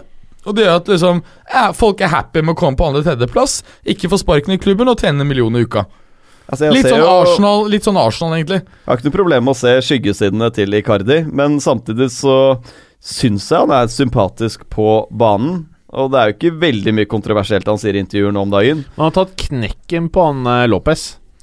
Altså, det det er riktig. Jeg, altså, jeg er Ja. helt enig i at alt det der er det er vel i sosiale medier men- kritikkverdenen har kommet, ikke intervjuer. Det er ikke liksom dybdeintervjuene med La La Gazzetta dello Sport hvor de liksom har kommet med sinnssyke og famøse uttalelser. Men anyway, Inter kommer fra en 1-1 mot Torino her, som, som eh, en del syns var skuffende. Jeg ser at en del kommentatorer i Italia stiller spørsmål ved om Inter nå er på vei til å slå sprekker. Dette er da selvfølgelig pga. en del av de kampene vi så tidligere hvor Inter gikk seirende av banen etter å ha spilt klart dårligere enn motstanderen. Og um, Jeg er helt enig med deg. ja, altså, De er mer der de bør være akkurat nå. De 1-1 Nei, altså- mot Torino er et greit resultat. Ja. Ja, altså, Altså, de jeg- har det- fått mye mer poeng ut fra hvordan de har spilt. Stallen er tynn, de har fått maksimalt ut av Icardi, og dette laget er 100% avhengig av at Icardi holder seg skadefri og i form hvis de skal holde tredjeplassen og få Champions League. Eller nå kan du få Champions League på fjerdeplass òg, selvfølgelig, men uh, ja, eller du får det. Mm. Ok. Jeg eh, også nevne at Atalanta, som var fjorårets store overraskelseslag, eh, som solgte unna en rekke spillere. Blant annet Frank Kessi til, eh, til Milan. øh, Andrea Conti også, øh, og Conti også til, til Milan. Ehm, de har likevel greid å overraske oss voldsomt. Eh, jeg ser ikke bort fra at de tar et poeng her. Jeg syns dette er, er eh, Altså, det er eh, HU. HU. Eh, Gallosen, Yes. du eh, er jo en fantast av den niende beste ligaen i Eller mest spennende ligaen i Europa. Og nå er det faktisk mulig å se den uten altfor mye styr. Ja, det har du nevnt tidligere, men du kan gjerne si det igjen. Laola1.tv. Ja, veldig bra. veldig bra Men det er vel den ellevte beste ligaen, er det ikke det? Sånn på den rangeringen av klubbligaer nå. Denne Ja, uka er niende, tror jeg. Er Neste ja. uke er den ellevte, osv. osv. Ja, de er der nede, i hvert fall. Ja, Det er Ja. ikke spesielt underholdende, i hvert fall. Eh, Bundesliga heter Nei, den. absolutt ikke underholdende eller god. Nei, så det jeg da lurer på, er det noe å se på her? Det er det. Eh, Jeg har sett meg ut eh, tre kamper denne helga, én for hver dag. Åh, Nesten som en kort, liten julekalender. Ja, eh, veldig kort skal jeg nevne fredagskampen mellom to giganter, hvor den ene er sovende og den andre er i ferd med å stå opp, forhåpentligvis. Åh, jeg håper du prater om Leipzig. Jeg snakker om Stuttgart, oh, som sover. Volkswagen-laget. Nei, Nei. Mercedes-Benz-laget. Er det det? Mm. Hvor er det Volkswagen er? Er ikke det Stuttgart? Wolfsburg. Nei, Wolfsburg. Ja. Mm. Wolfsburg. Men det er Stuttgart-Dortmund eh, klokka halv ni på fredag kveld, og der uh, Den blir så fet. Altså, kvaliteten kan være så som så. Underholdningen kommer til å være enorm, og rammen med 60 000 uh, tilskuere på Mercedes-Benz Arena Håpefulle. En av de største kampene Stuttgart har spilt siden, uh, siden nedrykket. Mot da Dortmund som har falmet eh, famlet, Famlet. i mørket i flere uker nå. Men hva har skjedd da? Altså Fire kamper uten seier nå for Dortmund. Altså De hadde jo en eh, Om ikke luke, så var det jo Ja. et eller annet på toppen der. Altså en liten poengdifferanse. Mm. Jeg forhør, forhørte meg litt med, med Twitter uh, Ja. til forrige uke, hvor jeg trodde jeg skulle snakke om dette. Ja. Uh, og de aller fleste som gadd å svare meg, de, eh, de, var, i- de tenkte egentlig det samme som jeg gjør. At eh, vi ble litt lurt av at uh, motstanderne i starten var veldig uh, enkle, altså relativt sett. Uh, det har blitt markant verre utover i sesongen, og følgelig har resultatene uteblitt. Og så er det jo at Peter Boss er en ganske endimensjonal trener. Han, han har sin plan A og kun sin plan A. Plan A går ut på å angripe. Blir man angrepet selv, så veit han ikke hva han skal gjøre. Funker ikke angrepsplanen for matchen, så vet han heller ikke hva han skal gjøre. Nei. Så dersom du, som i et land som Tyskland, hvor du har taktisk skolerte trenere, så er det ganske lett å se et par Dortmund-kamper og se hvordan du skal kunne stagge dem. Og det kan det jo også hende at eh, Stuttgart gjør. Liten kuriositet angående Mercedes-Benz Arena, Mm. som kommer til å ta inn 60 000 mennesker på fredag kveld i er det en stjerne på den et sted? Eh, det vet jeg ikke. Nei. Eller det må det jo nesten være. Ja, Men det. jeg har ikke vært der. Nei. Men den ble bygget i eh, Eller den ble innviet i 1933, da den var nybygd. Og het da, fra 1933, da den ble innviet, til 1945, tilfeldigvis, Adolf Hitler Kampfbahn. det er ganske kjipt ting å ha i historien sin, altså. Er ikke ideelt. Sjelden har et sponsornavn sett bedre ut. eh, Ja, Mercedes-Benz er liksom- Ja, det er litt mer Det er stuerent. nydelig. Men uh, så blir det lørdag etter hvert, da. Ja, nettopp. Etter forhåpentligvis et fyrverkeri i Stuttgart, og da er den kampen eh, som stikker seg ut. Mm. Hva trodde du det var? Det var Du viser meg en melding med masse hjerter fra kjæresten din. Ja. Ja, det var Eh, ikke Kristi- den Kristine, hvis du hører på Jeg elsker deg. Ok, ta det Jeg tror det er um, Herta mot Mönchengladbach. Hadde vært bare opp til meg, men jeg må tenke litt kommers eh, her også. ja, Kan du da- ikke være litt kommersiell nå, Galsen? Da det Det er den feteste kampen, er det ikke det? Det som er, er at uh, Mönchengladbach er et av de feteste lagene i Bundesliga, etter min mening. Og de har den feteste Twitter-kontoen. Ja. Den må man bare følge. Ok, altså, alle sammen, altså, de legger ut så utrolig mye kule meldinger på Mer enn Tamin82? Det kan man si. uh, men Borussia Mönchengladbach, bare følg den Twitter-kontoen. De legger ut Altså, det er uh, Jeg tror det er si, eh, Borussia understrek EN, for det er den ja, engelske du Det er den engelske. Bare ja. veldig kjapt apropos Twitter-kontoer. Kan ikke du fortelle, Preben, hva Twitter-kontoen din er? For jeg syns at eh, folk må begynne å eh, piske opp og følge deg litt nå. ja, for jeg må jo begynne å tweete litt òg, da, kanskje. Eh, det er det bar er underscore rart underscore i distriktene. jeg får, stadig, jeg får stadig flere følgere uten å legge ut meldinger. Idet jeg begynner å tweete litt, så stopper det opp. Hey. jeg, jeg vet ikke helt hva det betyr, men eh, det er at eh, Preben SR. Preben SR, ikke Ja. noe underscores eller noe. Bare alfakrøll Preben. Preben SR. Det er korrekt. Den andre kontoen som er underscores. Den distriktskontoen. Så, folkens, følg alfakrøll Preben SR. Men jeg vil gjerne snakke litt om eh, Leverkosen Leipzig. Ja. Som, eh, fordi grunnen til at den du nevner, Preben, ikke er fetest, er at Herta er gørr kjedelig. De har jo Rune Jarstein og Per Siljan, da. Som sagt. Riktig. Mange Understreker egentlig Apple-produkter skal bare du i dag, Berger. Leverkosen Leipzig, det er um, først og fremst en etablert bedriftsklubb mot en ny og forhatt bedriftsklubb. Uh, men det har vi snakka nok om. Det er masse herlige offensive stortalenter på begge lag. Si én. På hvilket av dem? Be- Tempo her, da. Uh, da vil jeg gjerne trekke fram Kai Havertz på Leverkosen. Uh, og så kan vi ta Jean-Kevin Augustin, faktisk, for å være litt uh, For ikke å si Emil Forsberg. Ja, for å ikke si Emil Forsberg eller Timo Werner.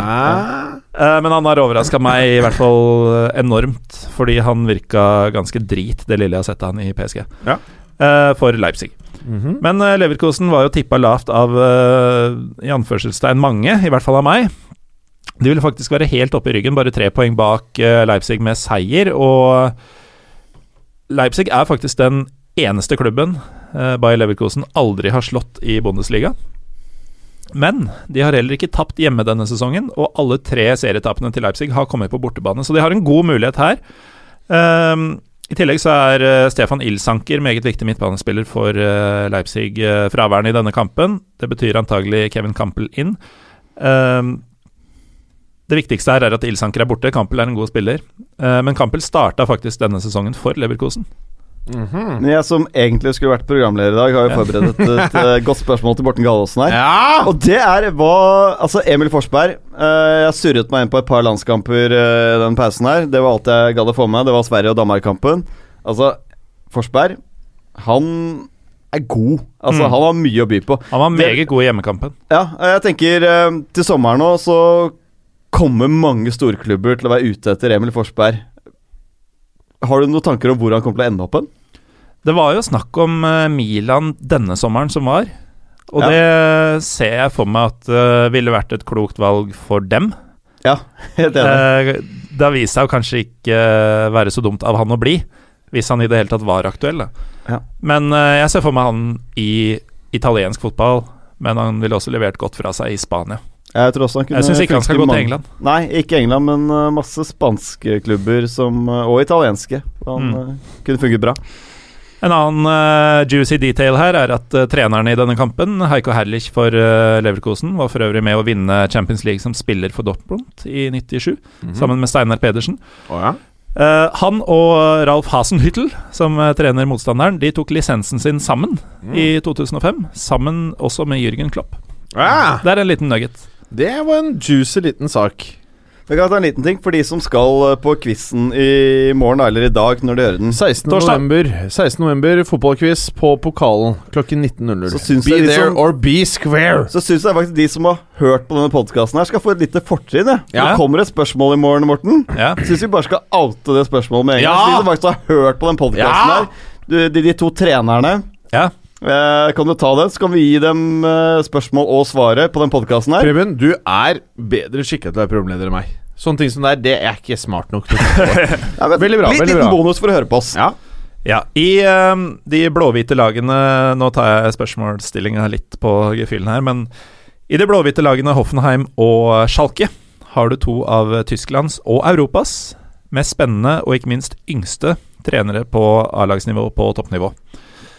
Hva heter disse to? Og nå skal dere lyttere få noen sekunder til å tenke, sånn at når jeg kommer med svaret, så vet dere om dere tar det eller ikke. Det er veldig bra podcasting. Bare ta det. Dere tar Julian Nagelsmann. Forhåpentligvis tar dere også Domenico Tedesco, som trener Schalke. Da har dere fått den. Mm. Oh, Så hadde jeg egentlig tenkt å snakke litt om søndagens eh, nordderby mellom Verde Bremen og Hanover, men jeg vet ikke om jeg har tid, Jim. Ja, hvis du tar det kjapt og ikke tar hele historien, liksom. Ja, det mm, Svakt hjemmelag i Verde Bremen, kun fem poeng og ligger nest sist, mot eh, den positive nyopprykka gjengen Hanover på sjetteplass med 18. Mhm. Klassisk betalje der stemninga kommer til å bli bedre enn fotballen. Det er litt sånn der eh, Newcastle-Sunderland eh, på banen. Eh, ikke fullt så heavy kanskje på i form av hat mellom de to byene, men desto bedre publikumsforhold forhold i Tyskland generelt enn i England.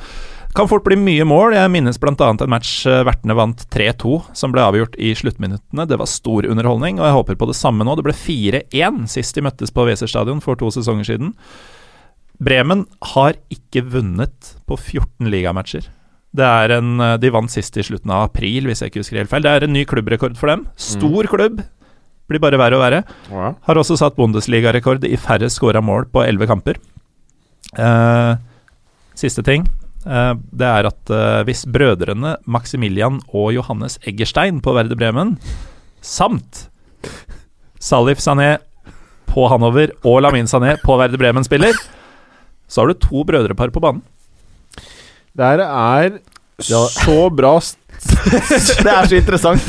Det her er for alle som liker fotball. Nei, Denne men, men for folk som liker eh, knokkelkamper hvor det står mye på spill for begge, så er dette en fin eh, Kan man, kan man kanskje få en liten El Sharawi her? Nei. Det kan jo hende at eh, en av brødrene Sané Kjøre en av. Nei, altså, sorry, jeg har sett En, en straffefinger på bror. Jeg endte opp med å se den der igjen og igjen. Og viste ja. Jeg viste den det kjæresten Jeg viste ganger. kjæresten min, liksom. Og hun bare så var liksom bare Hun lo så jævlig, og så bare Så så Og det var spennende sa Men se det! Se blikkontakten mellom de to! Dette er ikke første gangen! Dette er Dette er en intern joke! Det er så jævlig fett, fordi du ser han kommer, og så kjører han Og så ser du han bare skvetter og så snur han seg sånn instantly, og så bare smiler han for å se at det er vennen hans som har tatt han et intimt sted. Ja, og det er koselig! Ja, det var deilig, det der. Det var et deilig øyeblikk. Det er, det er de gode fotballøyeblikkene. Men, De- er det er, men, nei, men- nei, men Og her er det jeg skal dra videre til et, et, et, på et litt sånn mer metanivå, da. Det er, der, er der jenter er flinke til å liksom bare gi hverandre en sånn skikkelig god, varm klem. Og vi er, vi betyr, så er det sånn Gutter ender på å få et like nært forhold. Men så gir de uttrykket sånn der helt mer... Sånn som De to dødsgode kompiser. Det er antagelig ikke noe å- Istedenfor å gi seg en klem, så er det en finger opp i ja, ja, ja, ja.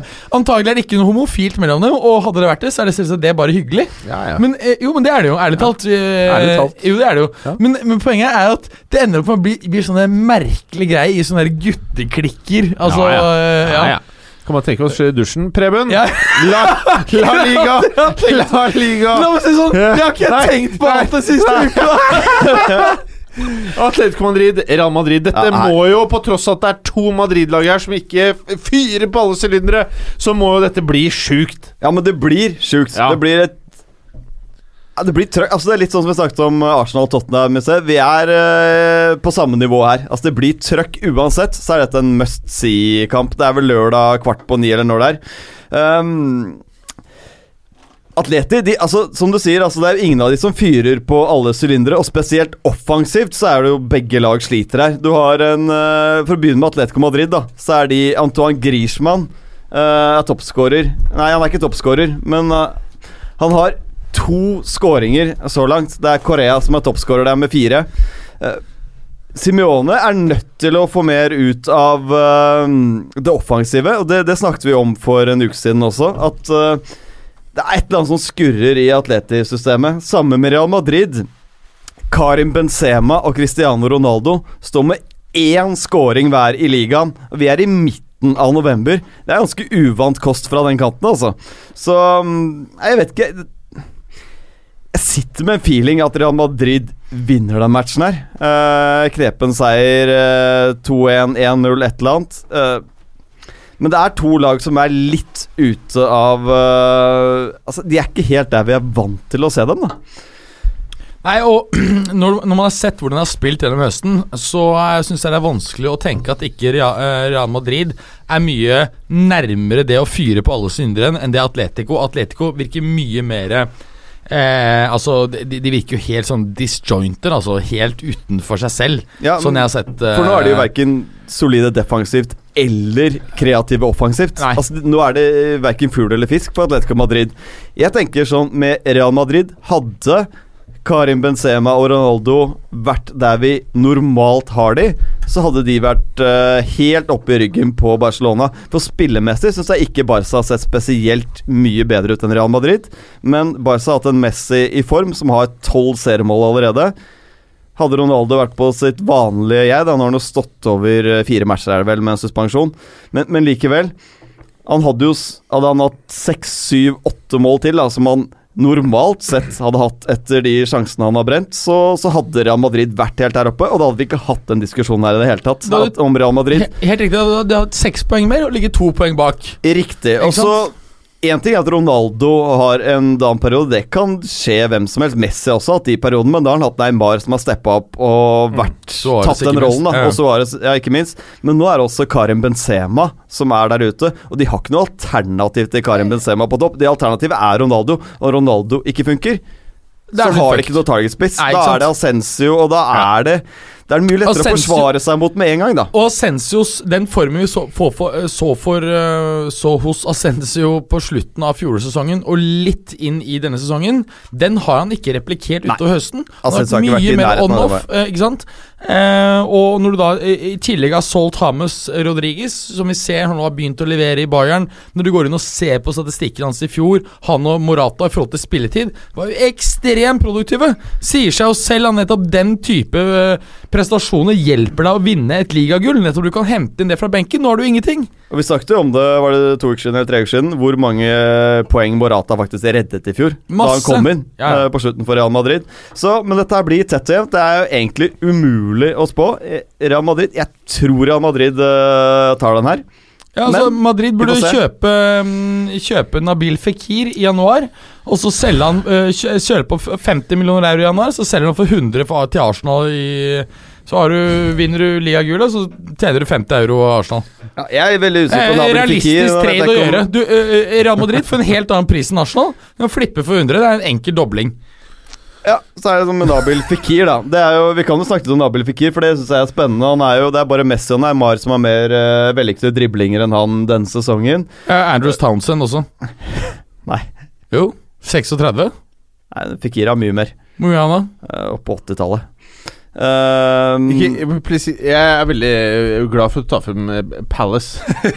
men, Men ikke bland blande inn Andrew Townsend i diskusjonen med Messi og, mange spillere du kan ta med, men ikke ta med Towns. Jeg, jeg føler det var en gang i historien hvor Andros Townsend kunne blitt Real Madrid-spiller.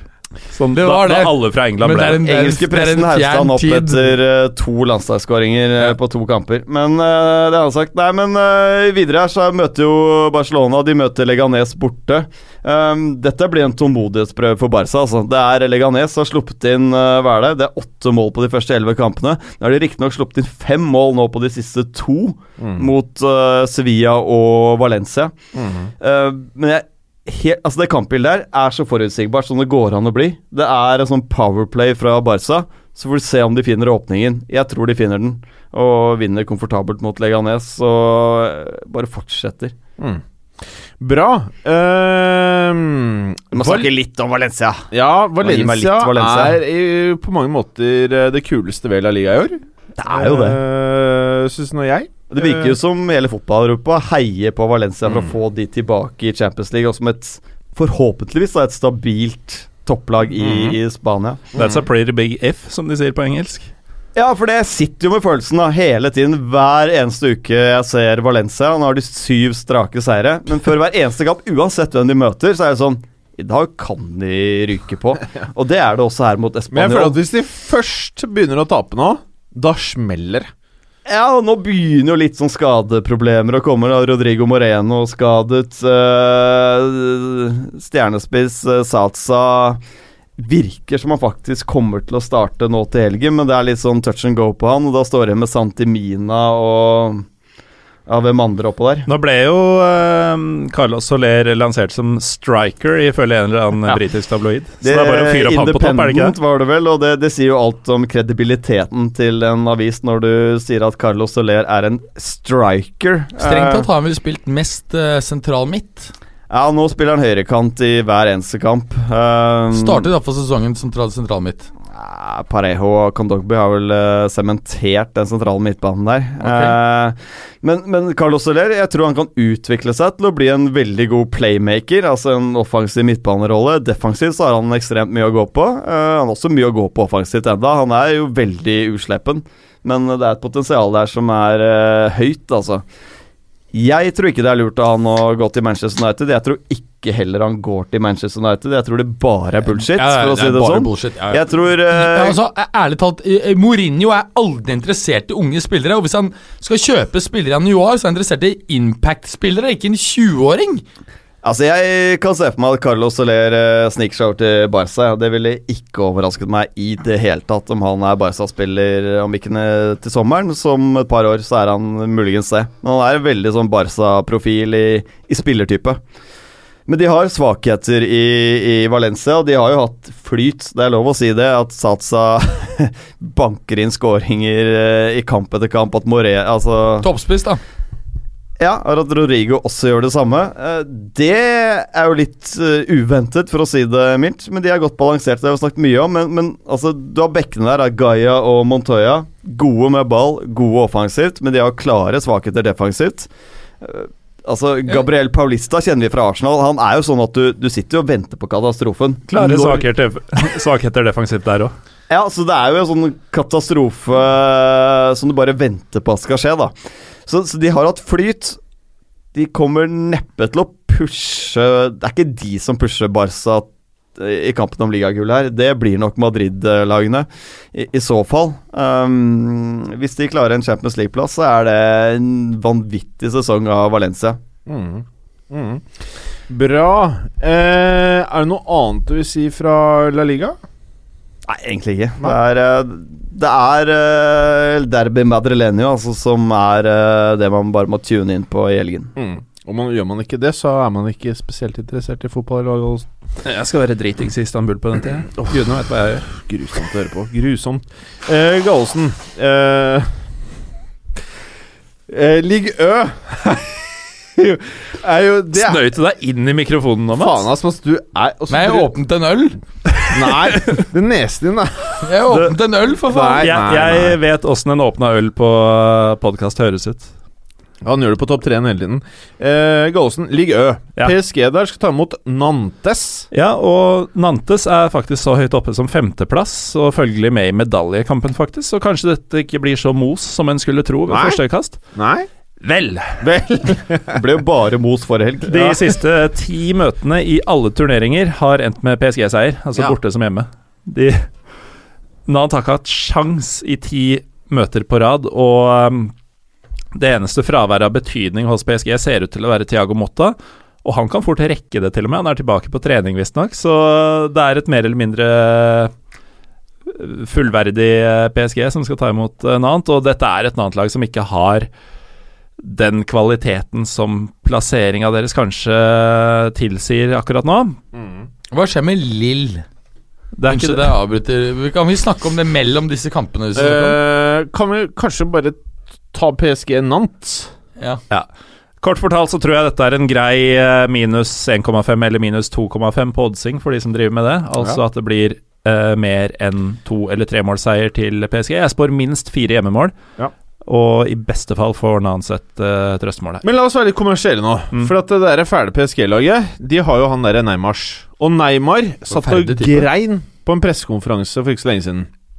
Eh, har dere sett det? Ja, han, altså, han, fremstår som karakter mer og mer forferdelig for hver dag som går.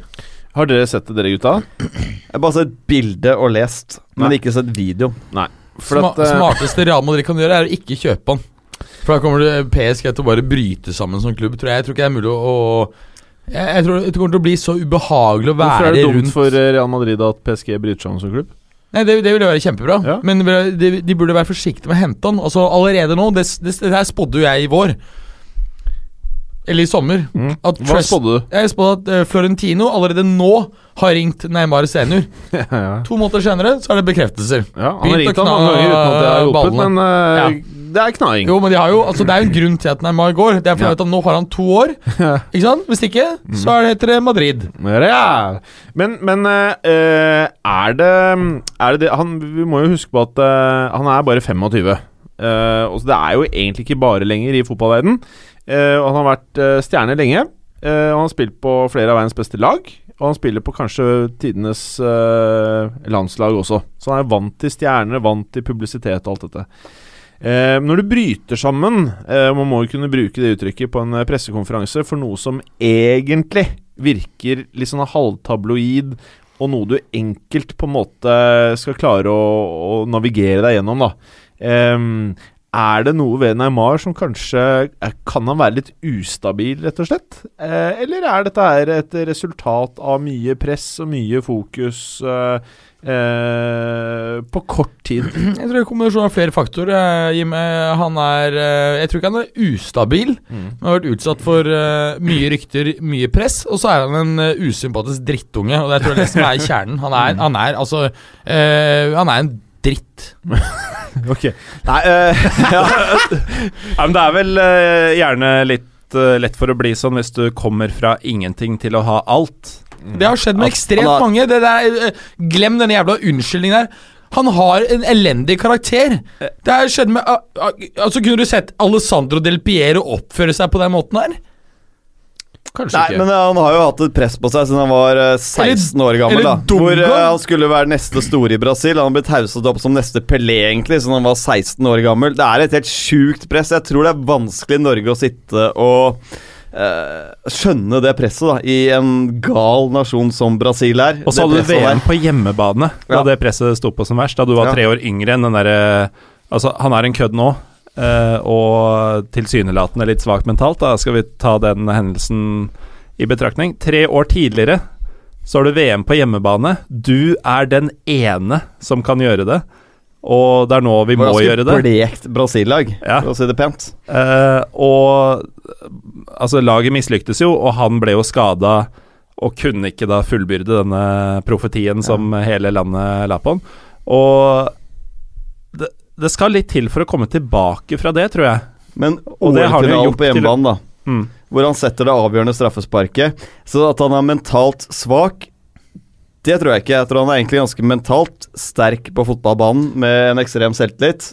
Men det er forskjell på å være sterk uh, mentalt på banen Ja, i kampsituasjonen i én ting som du veit at du fikser, til å være det i livet, hvor eh, alt mulig eh, dritt kan Ja, eh, komme inn tenk deg det presset Neymar har fra agenter, fra klubben. Altså Det er så mye rundt det som skjer. Han har ikke noen agenter, han er bare faren.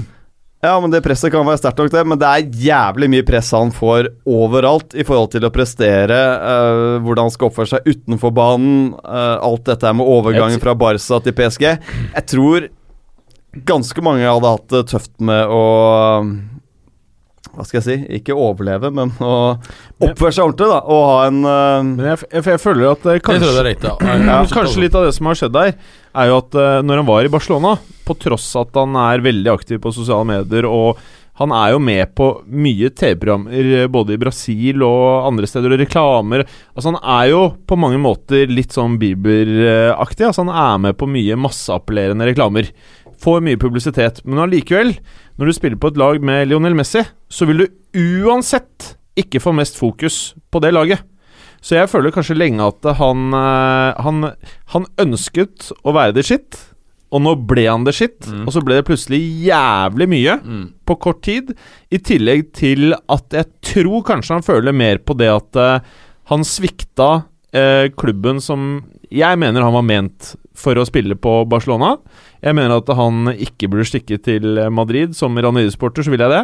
Men for han så mener jeg at han burde blitt i Barcelona, hvis man ser på det sportslige, og også eh, karrieremessig og penger. Jeg tror han eh, uansett hadde kommet veldig godt ut av dette her.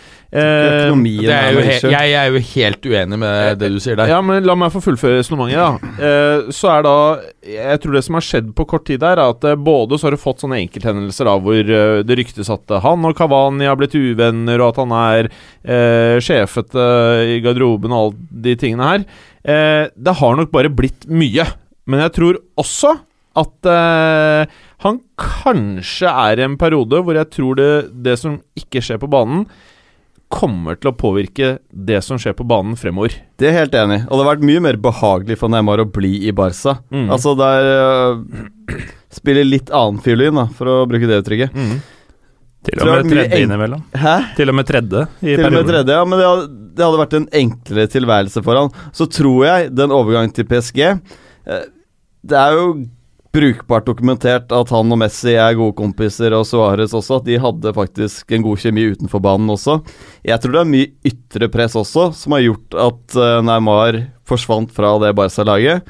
At ikke nød til PSG. At det ikke nødvendigvis er bare Neymar som ville bort fra Barca ut av skyggen til Messi. Uten at jeg vet noe om det, men det er sånn jeg oppfatter at det kan være, da. Ja, fordi alle diskusjoner om PSG om dagen for meg er egentlig blitt litt Neymar-diskusjoner. For at eh, jeg tror alt som skjer med Neymar, kommer til å prege ikke bare han, men klubbkamerater. Og eh, grunnen til at dette er viktig, er jo for at det er veldig mange eh, eksperter i landet her som mener at PSG er storfavoritter til å ta Champions League. Og dette er også en av grunnene til at jeg tror PSG ikke kommer til å ta Champions League i år. Nok om det. Eh, Nant. Tror jeg er ferdig med en annen. Amiens Amiens Monaco. Ja, Amiens eh, to poeng over nedrykksstreken. De rykka opp i våres, første gang de er oppe på veldig, veldig lenge. Forventes jo rundt der de er nå, eh, naturligvis. Sist lagene møttes, ble det faktisk to tette oppgjør. Det var i 2011-12-sesongen. Da vant eh, Monaco denne i, eller borte mot Amiens. 2-1, og så ble det 1-1 i fyrstedømmet. Det mest spesielle er at uh, disse møtene foregikk i league 2. Ja, ikke sant? At Monaco, som, eh, som herja i Champions League for et halvt år siden, for eh, bare seks år siden, drev og kava rundt eh, mot lag som er med i Og det er lett å glemme. At de var nede i sumpa Ja. ordentlig, altså. Mm. Og at det var Claudio Ranieri som tok sin uh, første ligatittel da han uh, førte dem opp. Ah, ja. Mhm. Og sin andre da med Leicester. Mm. Og det er jo bare den andre som vil telle som en faktisk ligatittel. Ja, men altså, nei altså, Men jeg- seriemester jeg, lov mener altså Seriemester er kanskje mer riktig å si. Altså seriemester, da. Ja. Men uh, det Monaco-laget var jo en særstilling. Det hadde du coacha opp uh, som, uh, som vinner av ligaen. Men uh, Ja, nok det, om det det. tror jeg du har rett i. Du har rett. Ja. Ja, etter litt betenkningstid. Jeg, antagelig ville jeg, vil jeg ha da gjort denne, den, den taktikken som jeg snakket om sist, med å stå helt sånn perverst høyt med forsvarslinjen, og så ha trebackslinje, eh, eller i realiteten fembackslinje, og så ha en sprinter, det jeg kaller en moderne libero, men jeg kaller det en sprinter. En bolt i Nei, midtforsvaret. egentlig en som er, er tettere og kortere enn Bolt, som har raskere akselerasjon på de første 20 meterne. Var det det Bolt dere er gjorde etter du eh, gjennom hostile takeover tok over et stort amerikansk fotballag? Det var en hostile takeover av et stort amerikansk fotballag. Altså. Eh, hvilket fotballag snak- snakker vi da? Det, du har vel bare kjøpt ett amerikansk fotballag? Nei, nei, nei, nei, men det kjøpte vi ikke opp. Det, det startet vi, da. Oh, ja, Så det, var, det eksisterte ikke Det før. er ikke det jeg har hørt. Nei, jeg hørte det tok knekken på en Jeg har hørt at det som uh, RB har gjort med Leipzig, bare er eh, Eller med Salzburg, faktisk. De har bare kjøpt copycat av uh, The Grand uh, de, de har gjort det dere gjorde først. Myrtle Beach, Det- uh, the, the Grand Strategy. Det de gjorde i Salzburg, var ingenting mot hva dere gjorde mot folket i Myrtle Beach. Faen, dere tok knekken på hele byen? Men i hvert fall ja. Amia Monaco Jibril CDB og Thomas LeMar går glipp av kampen for uh, gjestene. Ellers er det lite å snakke om. Uh, Du når Kan de... jeg spørre om en ting, for jeg har tenkt veldig mye på det. Han Ja. er Lemar. Det var jævlig mye prat om han nå. Hvordan har han levert i år, syns du? Han har slitt litt med skader, Ja. og eh, i likhet med resten av laget har han vært eh, relativt ustabil. Ja. Men eh, man ser at toppnivået det har ikke gått noe sted. Eh, men det, Monaco må jo ta denne, men det blir nok knoklete. Det blir på linje med de matchene de hadde i Ligue 2 for, eh, for seks år siden. Ett eller to målseier for Monaco skal de være fornøyd med.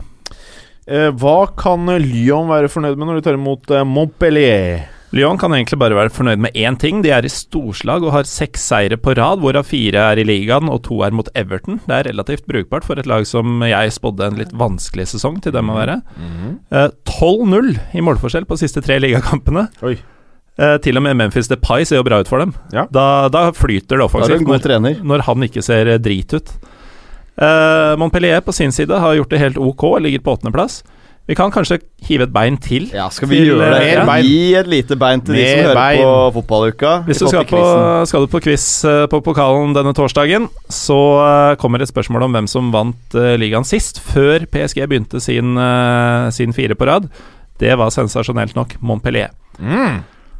Og Med Oliver Giroud. Med Olivier. Giroud og en Jones Belhanda som Ja, aldri har vært bedre verken før eller siden. Nei, hva skjedde med han? Ja, han var spådd lysende fremtid, han. Var det? Mm. Ja, nå er han i Galatasaray, det sier vel nok. Ja, det sier nok. Mm. Klubben din? Fuck off. Ja. Uh, det er jo sånn at eh, Lyon har, uh, i tillegg til å ha vunnet seks seire på rad i ligaen, så har de vunnet fire på rad mot Montpellier. Og de har skåra fem mål i de to siste hjemmekampene de har møtt uh, Montpellier i. Begge skjedde forrige sesong, i ligaen og cupen henholdsvis. 5-0 og 5-1. Mm. Så Montpellier driter nok litt i buksa med tanke på hva de skal opp mot nå. Et mm. free-scoring eh, Lyon som, eh, som har for vane å putte fem mot dem på, på dette stadionet.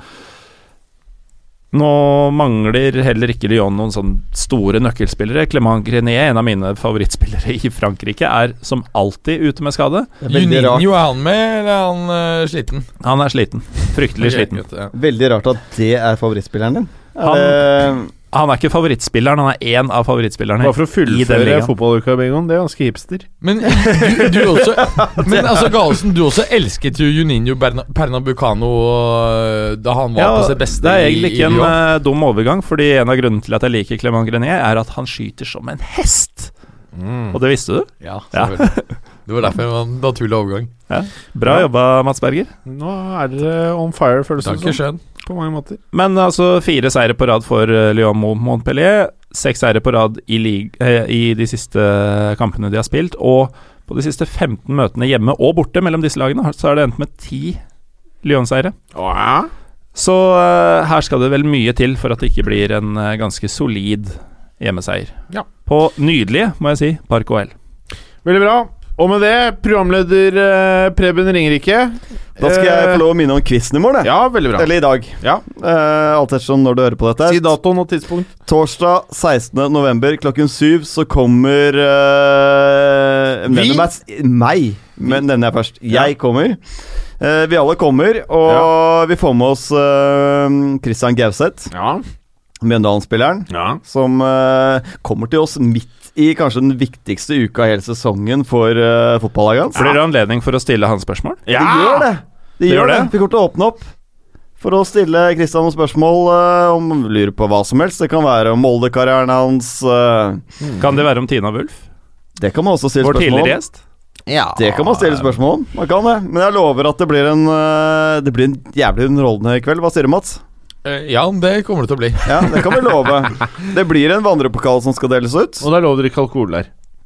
Det er- skjenkebilen. Det er eh, Ja, ja, Ja, ja, baren er åpen. Og det har alle rettigheter. Eh, det er faktisk slik at eh, Det, det står eh, altså, et, et halvt dusin Fernet Branca og venter på alle når de kommer inn. Så det, det kommer jeg- til å det, bli bra. Det kan jeg avkrefte, og Ja, det kommer ikke til å skje. Da kan Men- du, jeg ikke avkrefte, han kan bekrefte det. Men Berger drar kortet for samtlige som kommer. er at det er masse Jeg har kjøpt barn. Et lite øyeblikk, Mansberger. Vi, vi har masse drikkebonger. Som eh, vi selvfølgelig kommer til å dele ut til eh, masse delvinnere i quizen eh, i morgen. Det er riktig. Naturlig konsekvens at jeg har kjøpt barn. Men uh, sier du nå gjentatte ganger at du har kjøpt barn? Eller har Ja. du kjøpt baren? Altså, har du kjøpt masse unger? Hva er det du har gjort? Hva er det du har kjøpt? Er det Preben sine? Jeg, jeg svarer ikke på forskjellen. jeg, det, dette vil jeg ikke Du sjekka om. en dyr kveld for Mats Berger. Jeg- ja, men, ja, Mats eh, Berger eh, spanderer åpenbart Fernet på alle som kommer, eller? Ja, alle ja, får med seg en unge. Alle. Eh, ja. Fernet på alle. Å, fy faen. Ja, da blir det dyrt. Dette er det beste Ja, altså, folk, vi noen gang har fått. Hvis er dere ønsker å loppe? Berger, så møt opp. Går det an å klippe den delen hvor han lover Fernet til alle til helt i starten av sendinga, i tilfelle folk har falt ut? Altså, det er Fernet Fernet eh, Hva er det du ler av nå? Si ferdig, da! Vi kan love at er programlederen sa ikke skal drikke Fernet. Det er, det er, det er, er Fernet og øl på Nei, Fernet og show på alle. Ja, det høres ut som Ja. du har drukket mye Fernet akkurat nå. Eh, noe mer programlederpremien? Jeg tror, eh, jeg tror faktisk vi skal runde av. Jeg tror det er fornuftig nå at vi bare sier eh, adjø. Og ses på pokalen I, i morgen eller i dag. torsdag 16.11. klokken 19. Ja. Eller du gikk glipp av oss i går. Ja, Eller forrige års. Men da kommer det nye sjanser. Da kommer det nye sjanser. Ja. Eh, Morten Galesen, vi sender deg av gårde eh, i studio senere i dag, hvor du skal klippe den der andre podkasten din som er uh, topp tre. Ja, takk. Ja så, eh, så det er veldig bra. Takk for deg i dag. Berger! Takk. Takk for oss. Ses i morgen. I dag. Brød og sirkus og Fernet til folket på pokalen. Masse Takk for i dag. Fernet, god stemning og alt det du er ute etter på pokalen. Ha det bra. Takk for at du hadde høre på. Vi er Fotballuka på Twitter, Facebook og Instagram. Følg oss gjerne. Men bare få høre. Den tror jeg blir litt fet.